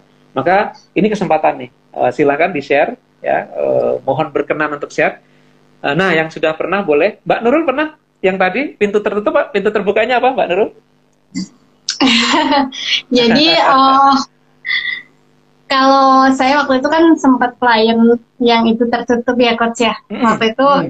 benar banget waktu coach tadi sampaikan uh, menjalin relasi, kemudian kita melakukan yeah. sesuatu yang belum pernah kita lakukan. Gitu. Yes. Waktu itu uh, saya pendekatan ke seseorang yang dia memang uh, di apa ya di pabrik gitu ya coach ya. Yeah, yeah. Nah, biasanya saya kan end user ke customer yang dia memang benar-benar ke hewan ah. kesayangannya Iya. Yeah, nah, kita uh, menjalin silaturahmi ke situ malah justru uh, dia menawarkan untuk ke apa ya waktu itu anjing apa namanya anjing penjaganya untuk kita rawat yeah. gitu. Nah yes, itu okay. akhirnya oh gitu. Iya. ya gitu ya. Banyak. Jadi ternyata uh, dapat uh, pintu terbuka dan pintu terbukanya bisa jadi jauh lebih baik daripada pintu yang tertutup hari ini. Nah, challenge saat saya buat teman-teman sekarang untuk melatih diri kita. Di COVID era COVID-19 ini, saya yakin banyak pintu tertutup. Betul ya? Banyak sekali pintu kita yang tertutup. Tapi coba lihat. Ya. Satu tadi, uh, gunakan pertanyaan yang di layar itu ya. Uh, apa makna tertutupnya pintu ini buat kita? Wah, maknanya banyak sekali ternyata. Ya. Saya mendapatkan makna baru loh di sini uh, ketika COVID-19 ini. Saya kemarin ngobrol sama istri saya sampai bilang ya, COVID-19 ini hebat sekali ya gitu. Uh, saya nemu makna banyak sekali. Satu ya, uh, jangan berhenti berinovasi kalau buat saya sekarang. Karena dari akhir tahun lalu itu saya sebetulnya punya keinginan untuk membuat materi online learning ya. Tapi karena nyaman dengan klien-klien uh, offline gitu ya, yang sudah sangat mencukupi kebutuhan saya gitu. Maka ini nggak jadi fokus, nggak jadi fokus untuk dikembangkan. Coba kalau dikembangkan, dan uh, materinya sudah tayang gitu ya. Uh, alat bantunya juga sudah saya launching gitu. Mungkin saya jadi staf sus presiden kolonial staf sus milenial saya ya. karena tapi karena umur umur jadi kolonial gitu. Nah, jadinya kolonial. Uh, ya mungkin sudah sudah populer sekali gitu. Tapi ya ketunda. Tapi nggak apa-apa. Dapat pembelajaran itu dan sekarang uh, tim kami sibuk untuk uh, memikirkan cara mendeliver uh, materi kami secara online interaktif malah even better dengan gagasan sebelumnya. Tapi dapat makna di situ. Makna yang kedua, ternyata dengan tim harus intens uh, bertemu dan berdiskusi. Saya itu termasuk jarang berinteraksi dengan tim. Uh, biasanya satu minggu uh, satu kali pun belum tentu, kadang dua minggu sekali karena uh, pola kerja saya itu uh, sering offline dan ketika offline saya harus berkunjung ke perusahaan tempat klien saya dan itu antar kota antar provinsi ya dan seringnya di Kalimantan maka uh, jarang bertemu langsung dengan mereka. Nah, waktu COVID-19 ini malah intens setiap pagi meeting, ya, dan uh-huh. pakai video. Saya wajibkan pakai video uh, karena kita pengen tahu kondisi tim kita, gitu ya. Mau lagi sedih mukanya, uh, matanya bengep segala macam, go ahead gitu, nggak masalah. Kita baru bangun tidur nggak masalah. Jam 8.30 tank kita semua nyalain video kita interaksi gitu. Karena tadi ya uh, itu bagian dari uh, prinsip uh, agile leadership yang saya terapkan. Ya. Jadi bagian yang pertama kan tadi uh, frequent and regular uh, communication. Nah, uh, terus kemudian nemu hal-hal baru ya uh, yang dulu nggak pernah kita elaborate. Lalu untuk personal, untuk pribadi jadi lebih intens berkomunikasi dengan keluarga. Ya, ini teman-teman juga pasti dapat makna itu ya. Itu juga sekaligus membawa pintu yang terbuka juga kan karena pintu terbuka itu nggak selalu uh, misalnya pintu tertutupnya bisnis yang terbuka bisnis juga itu enggak ya. Bisa jadi yang tertutup bisnis tapi yang terbuka aspek lain ya. Ada teman hmm. saya yang secara bisnis hari ini ngedrop tapi hubungan dengan keluarganya membaik ya. Nah, hmm. ini lebih berharga tadi buat dia daripada uh, bisnis. Oke nggak apa-apa bisnis saya turun tapi hari ini saya lebih dekat sekali dengan keluarga. Buat saya itu tetap pintu yang terbuka. Dan uh, this is something good juga gitu. Karena dengan bermodalkan hal yang baru ini kita bisa bounce back tadi karena resiliensi uh, adalah prinsipnya bounce back karena sekarang hubungannya dekat dengan istri dengan anaknya komunikasinya bagus maka dia bisa lebih uh, bangkit dengan lebih baik lagi gitu nah jadi uh, setiap orang silahkan pasti punya nih ya ada yang jadi lebih kreatif ya uh, silakan nanti uh, Mbak Nurul boleh kalau mau bacakan ya nanti silakan kalau ada Iya, ini ada yang sharing ini coach dari nah, Bumira. Oh, dari okay, Bumira silakan. ini orang Bogor ini. Uh, dia pernah bilang tentang teori door close sama door open itu pernah kerjasama dengan satu puskesmas untuk kerjasama pemeriksaan mata dan penyediaan kacamata. Yes. Tapi setelah tertutup itu alhamdulillah malah justru terbuka tujuh puskesmas yang yeah. meminta. Oke. Okay. Iya. Iya. Nah itu uniknya ya. Itu uniknya. Itulah kenapa saya uh, sering katakan ke para leaders bahwa Allah itu titipkan kemampuan resilience kepada manusia. Ya. Manusia itu dianugerahi kemampuan untuk bertahan, resilience. Uh, di antaranya dengan tadi, mampu melihat ketika ada pintu tertutup, bisa melihat pintu yang terbuka. Nah, uh, kenapa saya yakin bahwa manusia punya kemampuan resilience?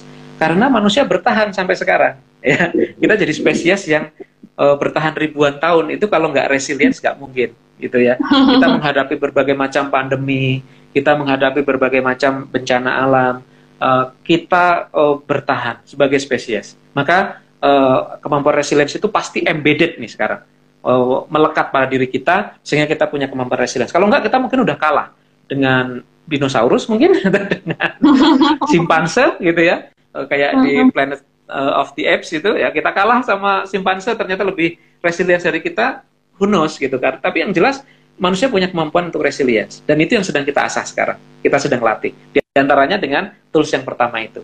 Melihat bahwa ada pintu yang tertutup cari pembelajaran dari pintu tertutup tadi gunakan coaching question yang saya sertakan di situ ya. E, maknanya apa pembelajarannya apa. Lalu kemudian lihat e, ketika pintu itu tertutup pintu apa yang terbuka. Oh ternyata dapat opportunity baru.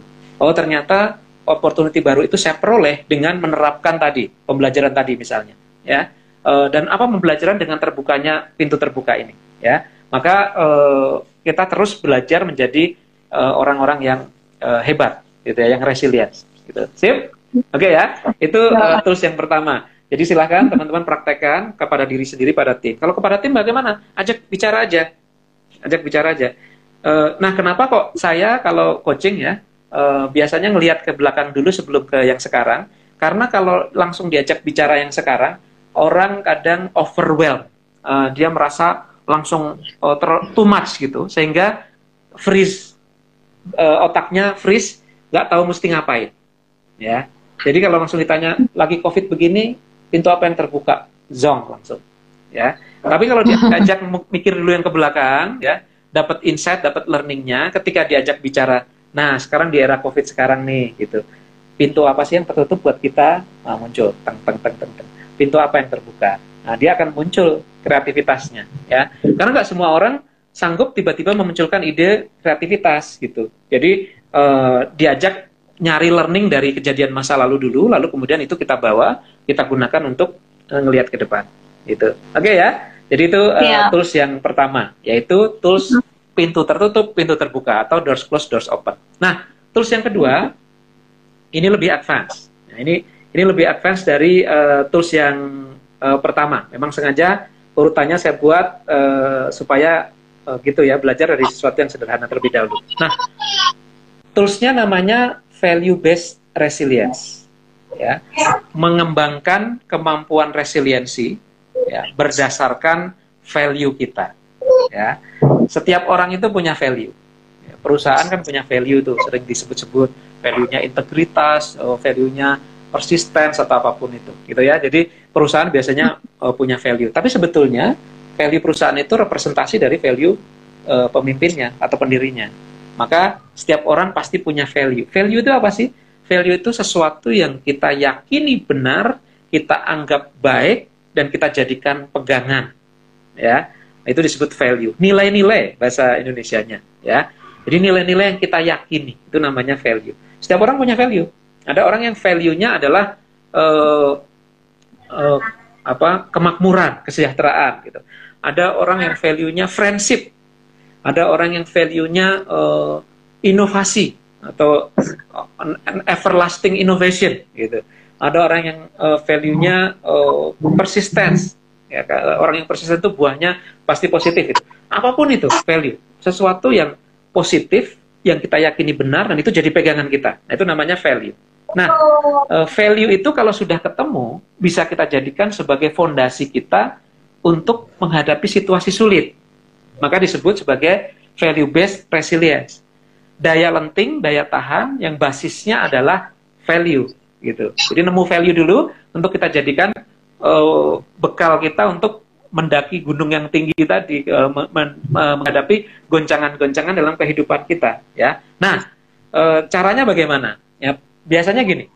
Pertama saya ajak diskusi, ya.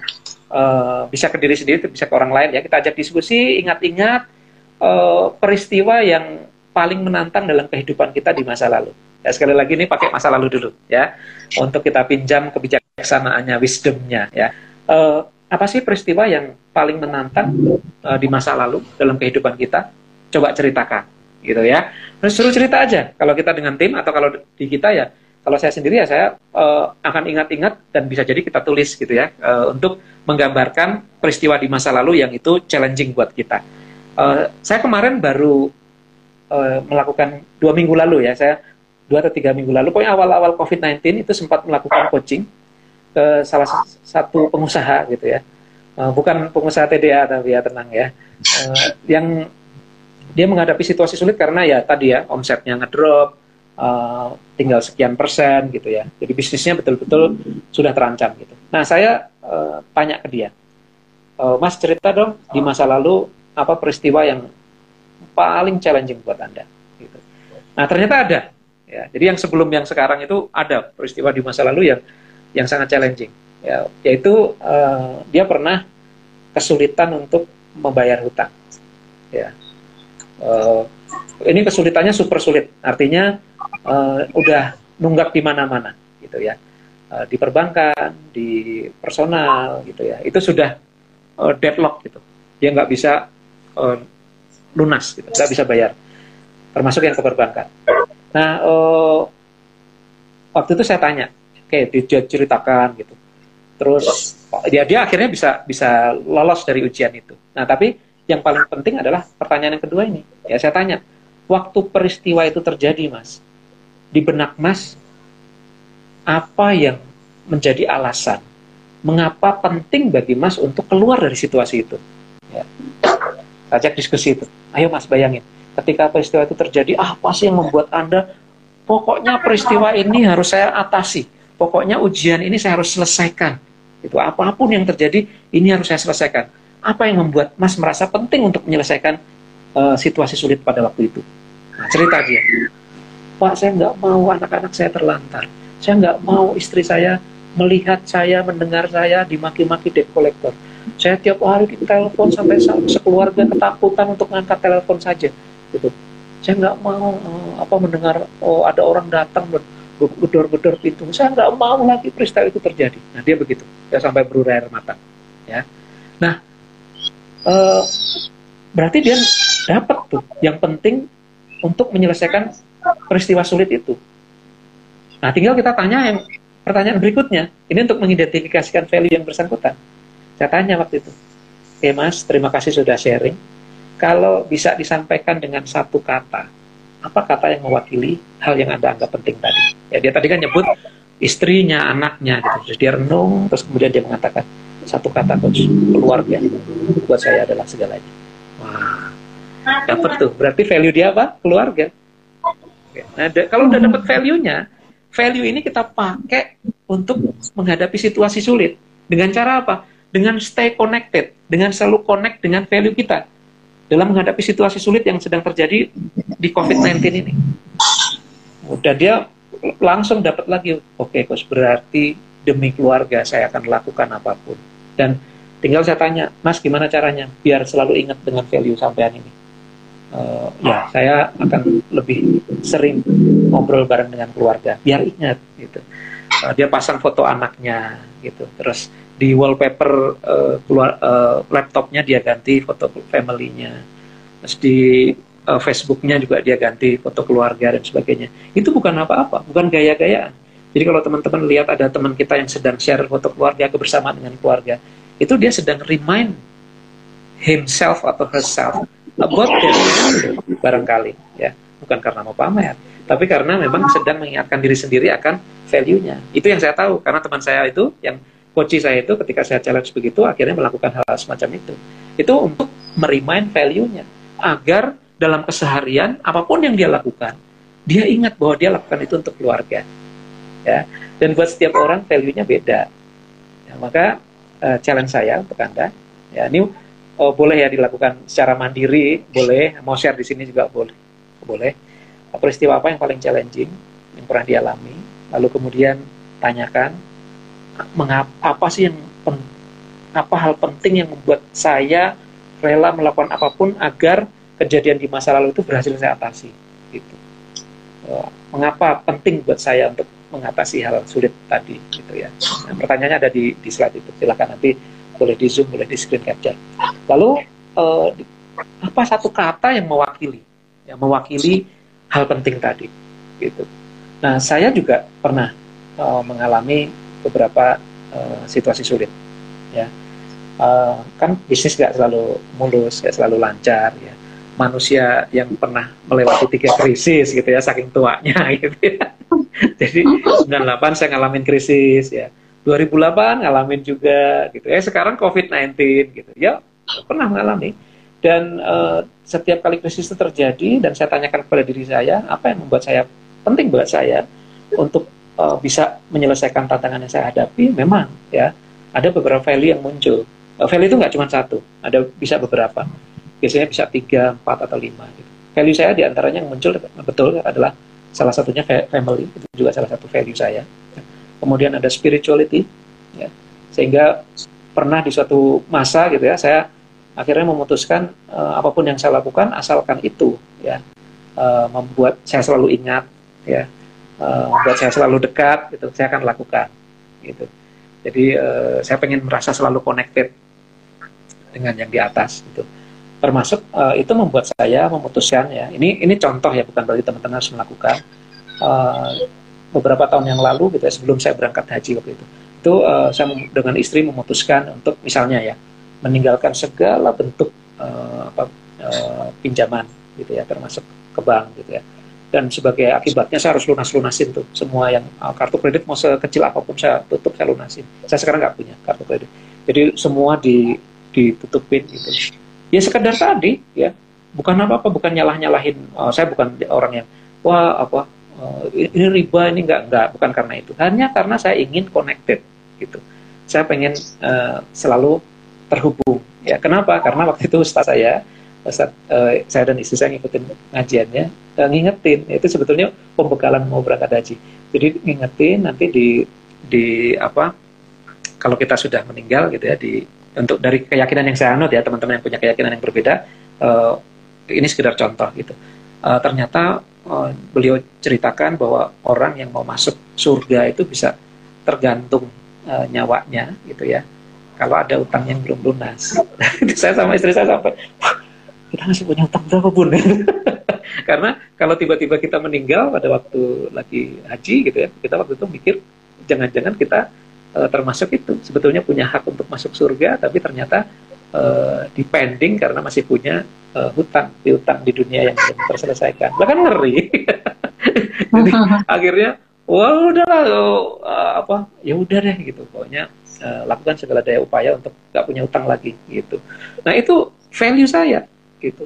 Maka value saya bukan bukan apa ya bukan kemewahan gitu enggak gitu. Ada orang yang value-nya kemewahan boleh gitu enggak apa-apa. E, value itu setiap orang bisa berbeda.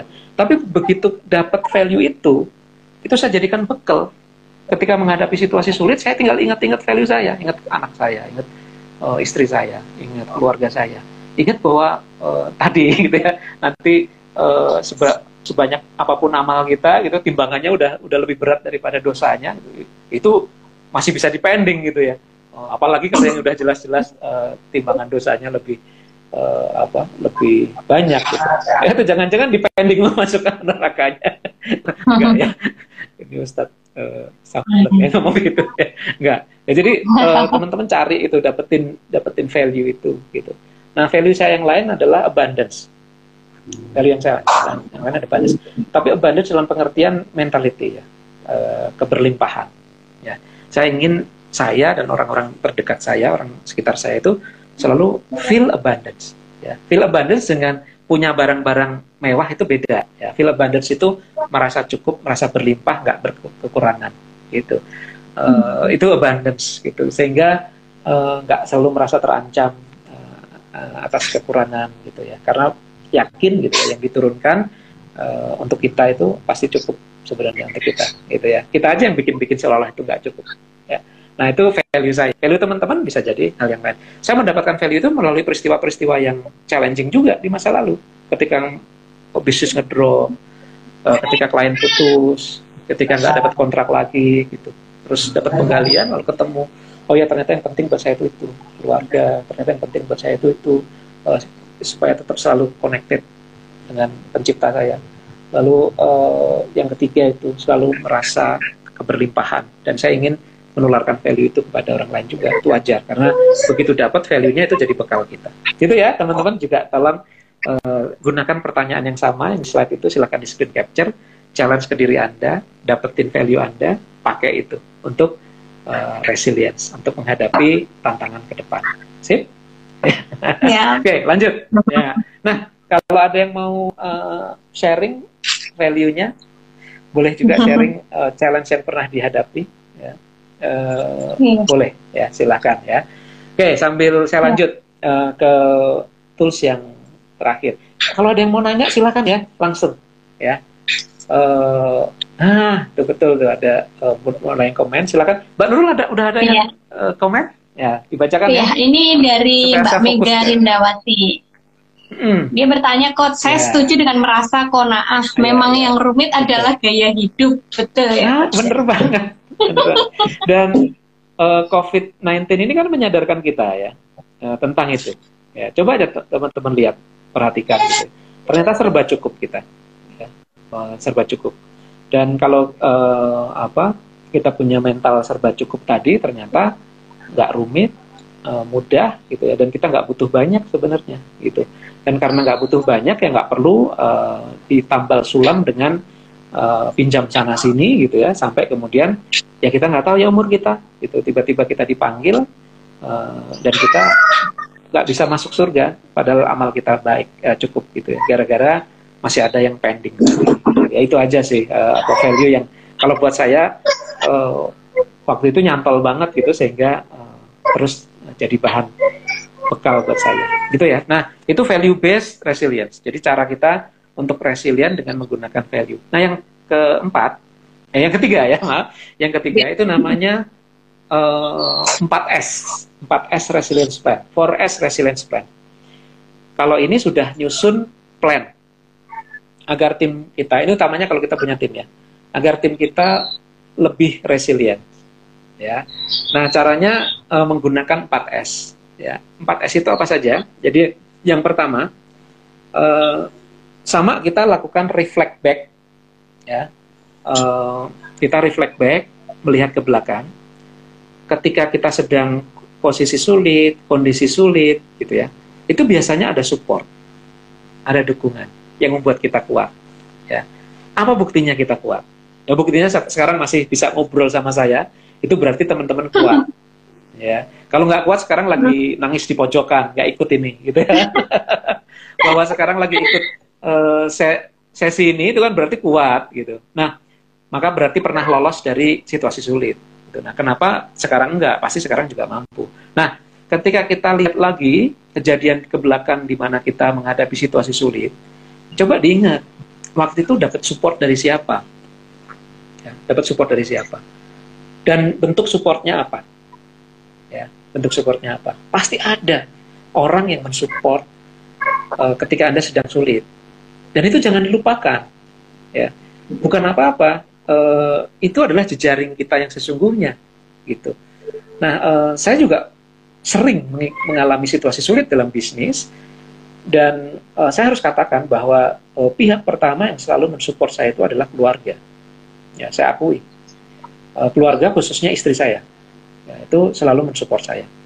Uh, dalam situasi yang sangat sulit itu uh, istri saya selalu ada di sana gitu, selalu mensupport. Bentuk supportnya sometimes nggak aneh-aneh gitu ya. Bukan uh, apa sesuatu yang uh, bijaksana atau apa gitu tapi dengan hadir dan mendengarkan omongan saya itu juga sudah uh, support yang luar biasa. Nah, itu satu, ada support. Terus yang kedua dari teman. Ya, saya sering mendapat support dari teman. Saya uh, upaya pertama saya berbisnis itu gagal total. Nggak dapat klien satupun. Jadi per, awal saya mendirikan bisnis ya, itu tahun 2002. Ya. Nah, yang mensupport saya itu teman. Ya, teman-teman saya yang yang ngasih tahu saya ke mana saya harus nyari klien. Ya itu bantu banget jadi oh, lu ke sini aja gue kenalin ya gitu gitu ya oh, wah itu kebantu banget dengan dengan mereka. Nggak ada saya itu uh, apa bisnis bisa jalan kalau tanpa kehadiran teman-teman saya gitu. Ya jadi mm-hmm. saya dapat support dalam bentuk network dari teman. Nah itu berarti adalah support. Nah kenapa penting untuk kita pelajari? Karena ini bisa jadi akan menjadi support kita di fase COVID-19 sekarang ya. Jadi jangan lupakan support. Orang itu butuh support Ya, orang yang tangguh butuh support, support. Orang yang resilient itu butuh support. Justru orang yang mengatakan saya nggak butuh support, ini yang bahaya. Ya, bisa jadi dia sedang dalam keadaan sulit tapi dia denial. Dia mengingkari bahwa dia sebetulnya nggak mampu menghandle persoalan yang sedang dia hadapi. Ya, maka oke, okay, memang ada support dulu yang saya terima ketika saya dalam posisi sulit. Dan itu jadi learning saya untuk kita saya bawa ke situasi sekarang. Itu S yang pertama, ya support. Dari istri dapat uh, support, penyemangat, dia mau mendengarkan, ya, dia memastikan saya uh, selalu uh, mentally sane gitu ya. Kalau saya selalu mengatakan begitu, didengar itu sudah sudah bagus buat pengusaha karena itu memastikan kita tetap waras, gitu kan? Ya, teman-teman pengusaha. Gak gendeng aja udah bagus kan?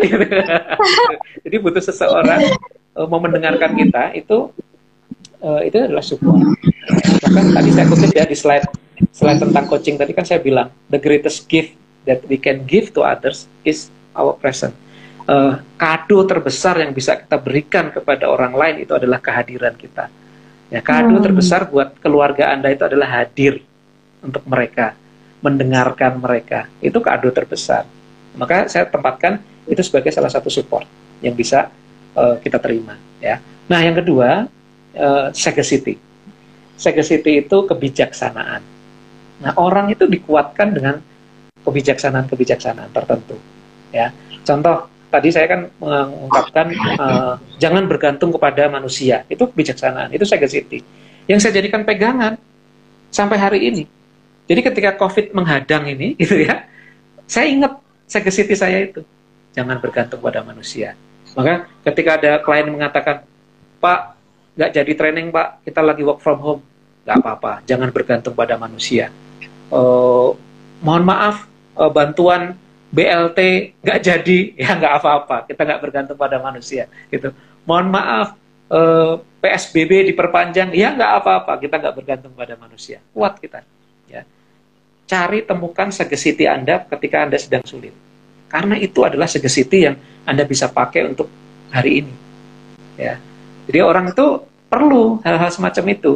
Jadi jangan jangan merendahkan ya kalau ada orang bikin quote indah gitu terus Allah itu omong doang gitu.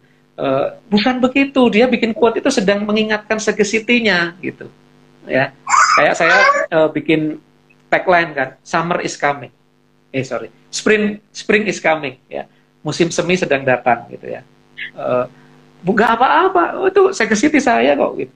Uh, ketika situasi sulit berikutnya adalah situasi yang bagaikan musim semi. Ya buat saya sendiri kok gitu. Nggak apa-apa dong. Kamu kalau mau bikin uh, quote sendiri, darkness is coming juga nggak apa-apa. ya. kan buat kamu kamu sendiri gitu iya. jangan sinis dulu kadang dinyinyirin gitu ada orang positif dinyinyirin gitu lah orang negatif aja nggak saya nyinyirin kok gitu jadi ada uh, ketika uh, winter is coming itu ya musim dingin akan tiba itu uh, musim winter kan dia dianggap sebagai sesuatu yang sulit gitu ya. Kita sibuk gitu posting sana sini gitu. Begitu ada orang yang posting yang positif ya bahwa ke depan uh, akan positif di uh, apa dianggap lu ngapain sih? gitu. Ya jangan juga itu buat dia dia sendiri kok gitu. Dan kalau anda terinspirasi boleh. Tapi kalau enggak kan nggak apa-apa juga gitu. Jadi cari aja segesti anda sendiri boleh gitu. Dan nanti anda tularkan ke orang lain gitu. Karena itu pengingat buat kita kebijaksanaan yang menjadi pengingat buat kita. Nah yang ketiga eh yang ya ketiga ya. Solution seeking behavior. Perilaku yang itu memicu solusi. Ya. Karena ada perilaku yang nggak memicu solusi. Ya. Salah satu contoh adalah ketika uh, saya dulu uh, tadi bisnis saya yang pertama nggak laku-laku produknya, saya punya satu solution seeking behavior, yaitu nelponin teman nggak berhenti berhenti. Ya.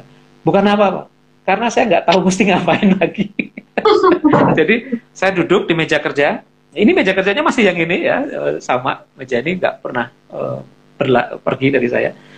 Saya duduk di sini, terus kemudian merenung hari ini saya mesti ngapain dan saya nggak tahu karena software udah jadi tapi nggak ada yang mau beli ya saya bikin software ya waktu itu saya nelpon temen buka da bikin daftar telepon bikin daftar telepon buka komputer di laptop saya Excel tuh ada daftar kenalan Weh men, apa kabar? Lama nih gak ngobrol-ngobrol, ngopi yuk gitu ya. Makan siang di mana lo? Gitu. Uh, ya makan siang sama gua gitu. Pulang kantor ke mana? Gitu nelponin tanpa henti sampai dikira MLM saya ya nggak jarang itu teman saya apaan lu mau nawarin MLM ya uh, tapi itu solution seeking behavior ternyata. Ya perilaku so akrab so dekat yang kemudian ada teman yang mengatakan ya kalau software lu kayak gitu gue nggak butuh gitu. Tapi ini ada teman gue yang mungkin butuh ini kartu namanya lu kontak dia gitu. Ada yang begitu. Ya nggak apa-apa kan nggak rugi. Telepon orang itu eh saya temannya pak itu saya dapat kartu nama anda dari beliau gitu.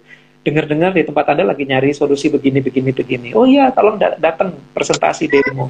Besok jadi bisa demo ke dia gitu padahal cuma nelpon-nelpon aja gitu tapi itu solution seeking behavior nah lawannya adalah perilaku yang nggak mendatangkan solusi gitu cari berita negatif tentang COVID-19. Wah, kalau udah ketemu, wah ini mencekam nih, forward ke grup WA yang kita punya. Gitu. Terus solusinya buat Anda apa?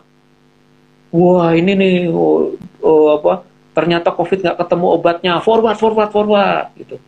Ya, ini ada hoax yang belum jelas uh, kebenarannya. Kirim, kirim, kirim, kirim, kirim. Datengin solusi apa? Enggak. Kalau saya tanya itu aja dulu. Ya, mendekatkan kita pada solusi apa enggak? Kalau enggak ya enggak usah. Ya. Ikut Zoom, sekarang kan lagi lagi ngetrend ya. Ikut Zoom, ikut online sharing session seperti ini gitu. Jangan dinyinyirin kawan kita yang rajin ikut belajar. Karena dia sedang menjalankan solution seeking behaviornya sendiri. Kalau Anda ingin punya solution seeking behavior yang berbeda, nggak apa-apa. Ya, nggak apa-apa, boleh. Ya ada yang kan gitu, wah sering online melulu, zoom, zoom, zoom, zoom, zoom, ngapain gitu. Ya nggak apa-apa, buat di orang lain mungkin itu adalah solution seeking behaviornya. Nggak selalu sama. Anda mungkin solution seeking behaviornya beda dengan forward hoax mungkin, atau nyebar-nyebar berita yang mencekam mungkin, itu adalah solution behavior Anda, silahkan saja, nggak masalah gitu. Saya juga nggak pernah nyinyir dengan orang yang seperti itu kan ya barangkali itu adalah solution seeking behavior Anda. Tapi kalau bukan, ya, ya cari aja solution seeking behavior masing-masing kan gitu, kan lebih enak ya. Cari solution seeking behavior, perilaku yang mendekatkan kita pada solusi, gitu. Karena itu jauh lebih uh, mentally sane, gitu ya. Secara mental bikin kita waras, gitu. Nah, yang terakhir adalah strategi, ya. Aktif mencari hal yang berbeda yang akan kita lakukan cari hal yang berbeda yang akan kita lakukan.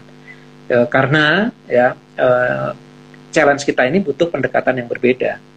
Ya, e, memang betul krisis ini nggak sama dengan krisis yang sebelum-sebelumnya, beda banget nih. Maka kita juga butuh pendekatan yang berbeda, butuh cara yang berbeda. Maka e, cari hal yang berbeda, ya, lakukan hal yang berbeda. Saya e, banyak melakukan itu ya sekarang. Gitu. Dulu sharing hanya lewat offline sekarang lewat online ya. Ya, ya terus kita lakukan gitu. uh, hal-hal berbeda itu. Cari sendiri aja hal berbeda Anda apa gitu. Karena itu adalah bagian dari 4 S resilience plan kita. Nah, jadi uh, teknisnya kalau saya sarankan ngobrol sama tim, ngumpul, saya biasanya pakai flip chart ya. Saya bagi empat kotak S S S S ya. Support, sagacity, ya, uh, solution seeking behavior sama strategi. Tulis begitu, yuk teman-teman, kira-kira support apa yang kita butuhkan dan dari mana? Karena kita butuh support, ya nggak perlu membohongi diri bahwa kita uh, kuat. Ya kuat itu bukan berarti nggak butuh support. Ya.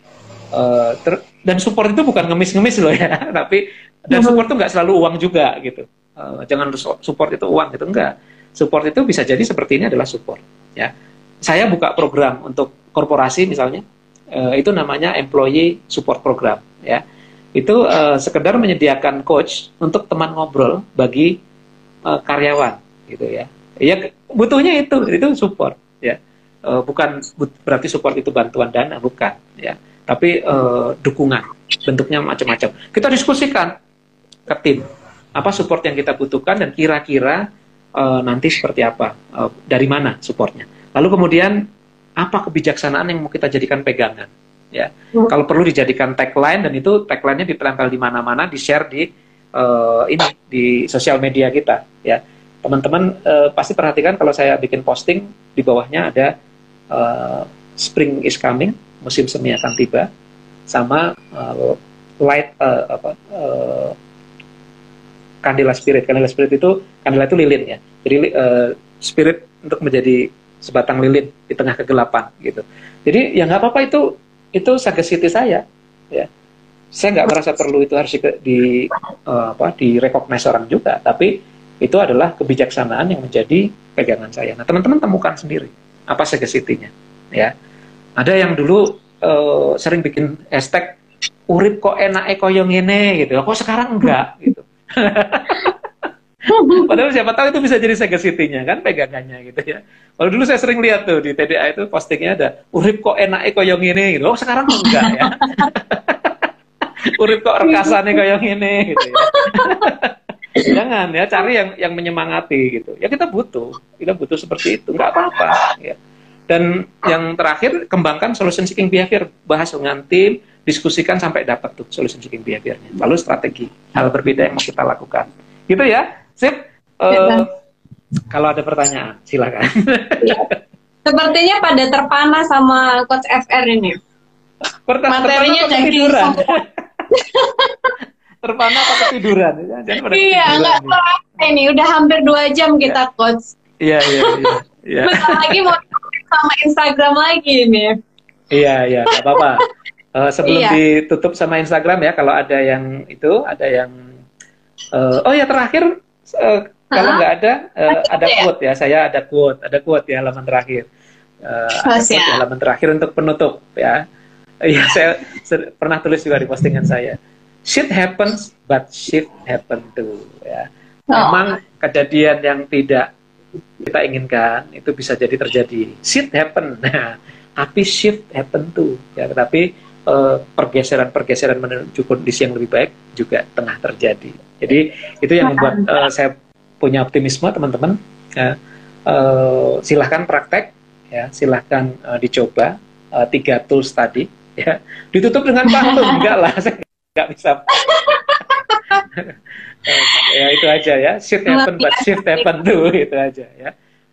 ya mungkin itu dari saya ya silahkan uh, kembali ke dokter Nurul ya. iya uh, luar biasa ini dua kalau jam ini kayaknya ya.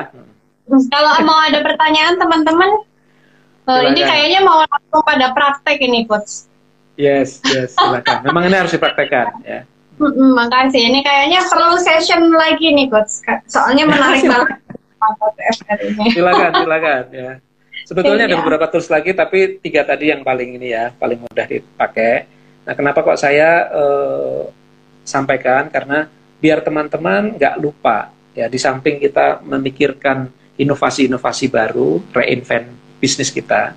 Ingat kata-kata tadi ya, kata-kata quote yang saya kutip tadi resilience before reinvention ya karena reinvention boleh kita lakukan tapi juga harus kita lakukan tapi juga menguatkan diri kita agar tadi tidak mudah patah, resilient, itu juga penting ya. Khususnya juga buat tim kita. Ya. Karena kalau kita bikin inovasi baru tapi tim kita nggak resilient, ketika nanti ternyata inovasi baru tadi tidak membawa hasil sesuai harapan, patah nanti. Ya. Jadi malah patah yang kedua ini biasanya bisa lebih dalam. Maka sambil melakukan reinvention, timnya juga dibekali dengan resiliensi. Ya, nanti di share ke timnya toolsnya sesederhana nanyakan pintu tertutup pintu terbuka boleh ya atau dicari value-nya untuk dijadikan modal kekuatan resiliensi kita atau bikin rencana 4S bareng dengan tim kita. Sip ya? Oke. Okay. Ya, Mungkin Oke, okay, uh, uh, nanti ini sepertinya nggak pada mau praktek ini coach. Pada ya, uh, komennya pengen ya. praktek. Terus ya yes. nanti uh, untuk ini nanti akan tetap ada di feed Instagram dari official hmm. TDA ada di IGTV-nya TDA. Nanti teman-teman yeah. bisa kalau misalnya baru masuk nanti bisa ngambil dari situ lagi. Yes. Saya yes. sebagai moderator mengucapkan terima kasih banyak kepada Coach FR yang udah Sama-sama kali ini. Keren. Ini luar biasa, dua Acara jam keren. nonstop. Waktu puasa nih banyak yang japri sama yeah, iya. saya. Ini Coach FR hebat banget. Uh, dinanti untuk sharing selanjutnya nanti. Yeah, yeah. Siap, siap, siap. Kalau untuk PDA okay. siap. Uh, ya. Oke, okay. uh, terima kasih ya Coach okay. ya. Sama-sama. Oke, okay, ya, sampai ketemu lagi. Salam kolaborasi. Ya. Salam kolaborasi. Oke. Okay. Oke. Okay. Assalamualaikum. Waalaikumsalam warahmatullahi wabarakatuh. Música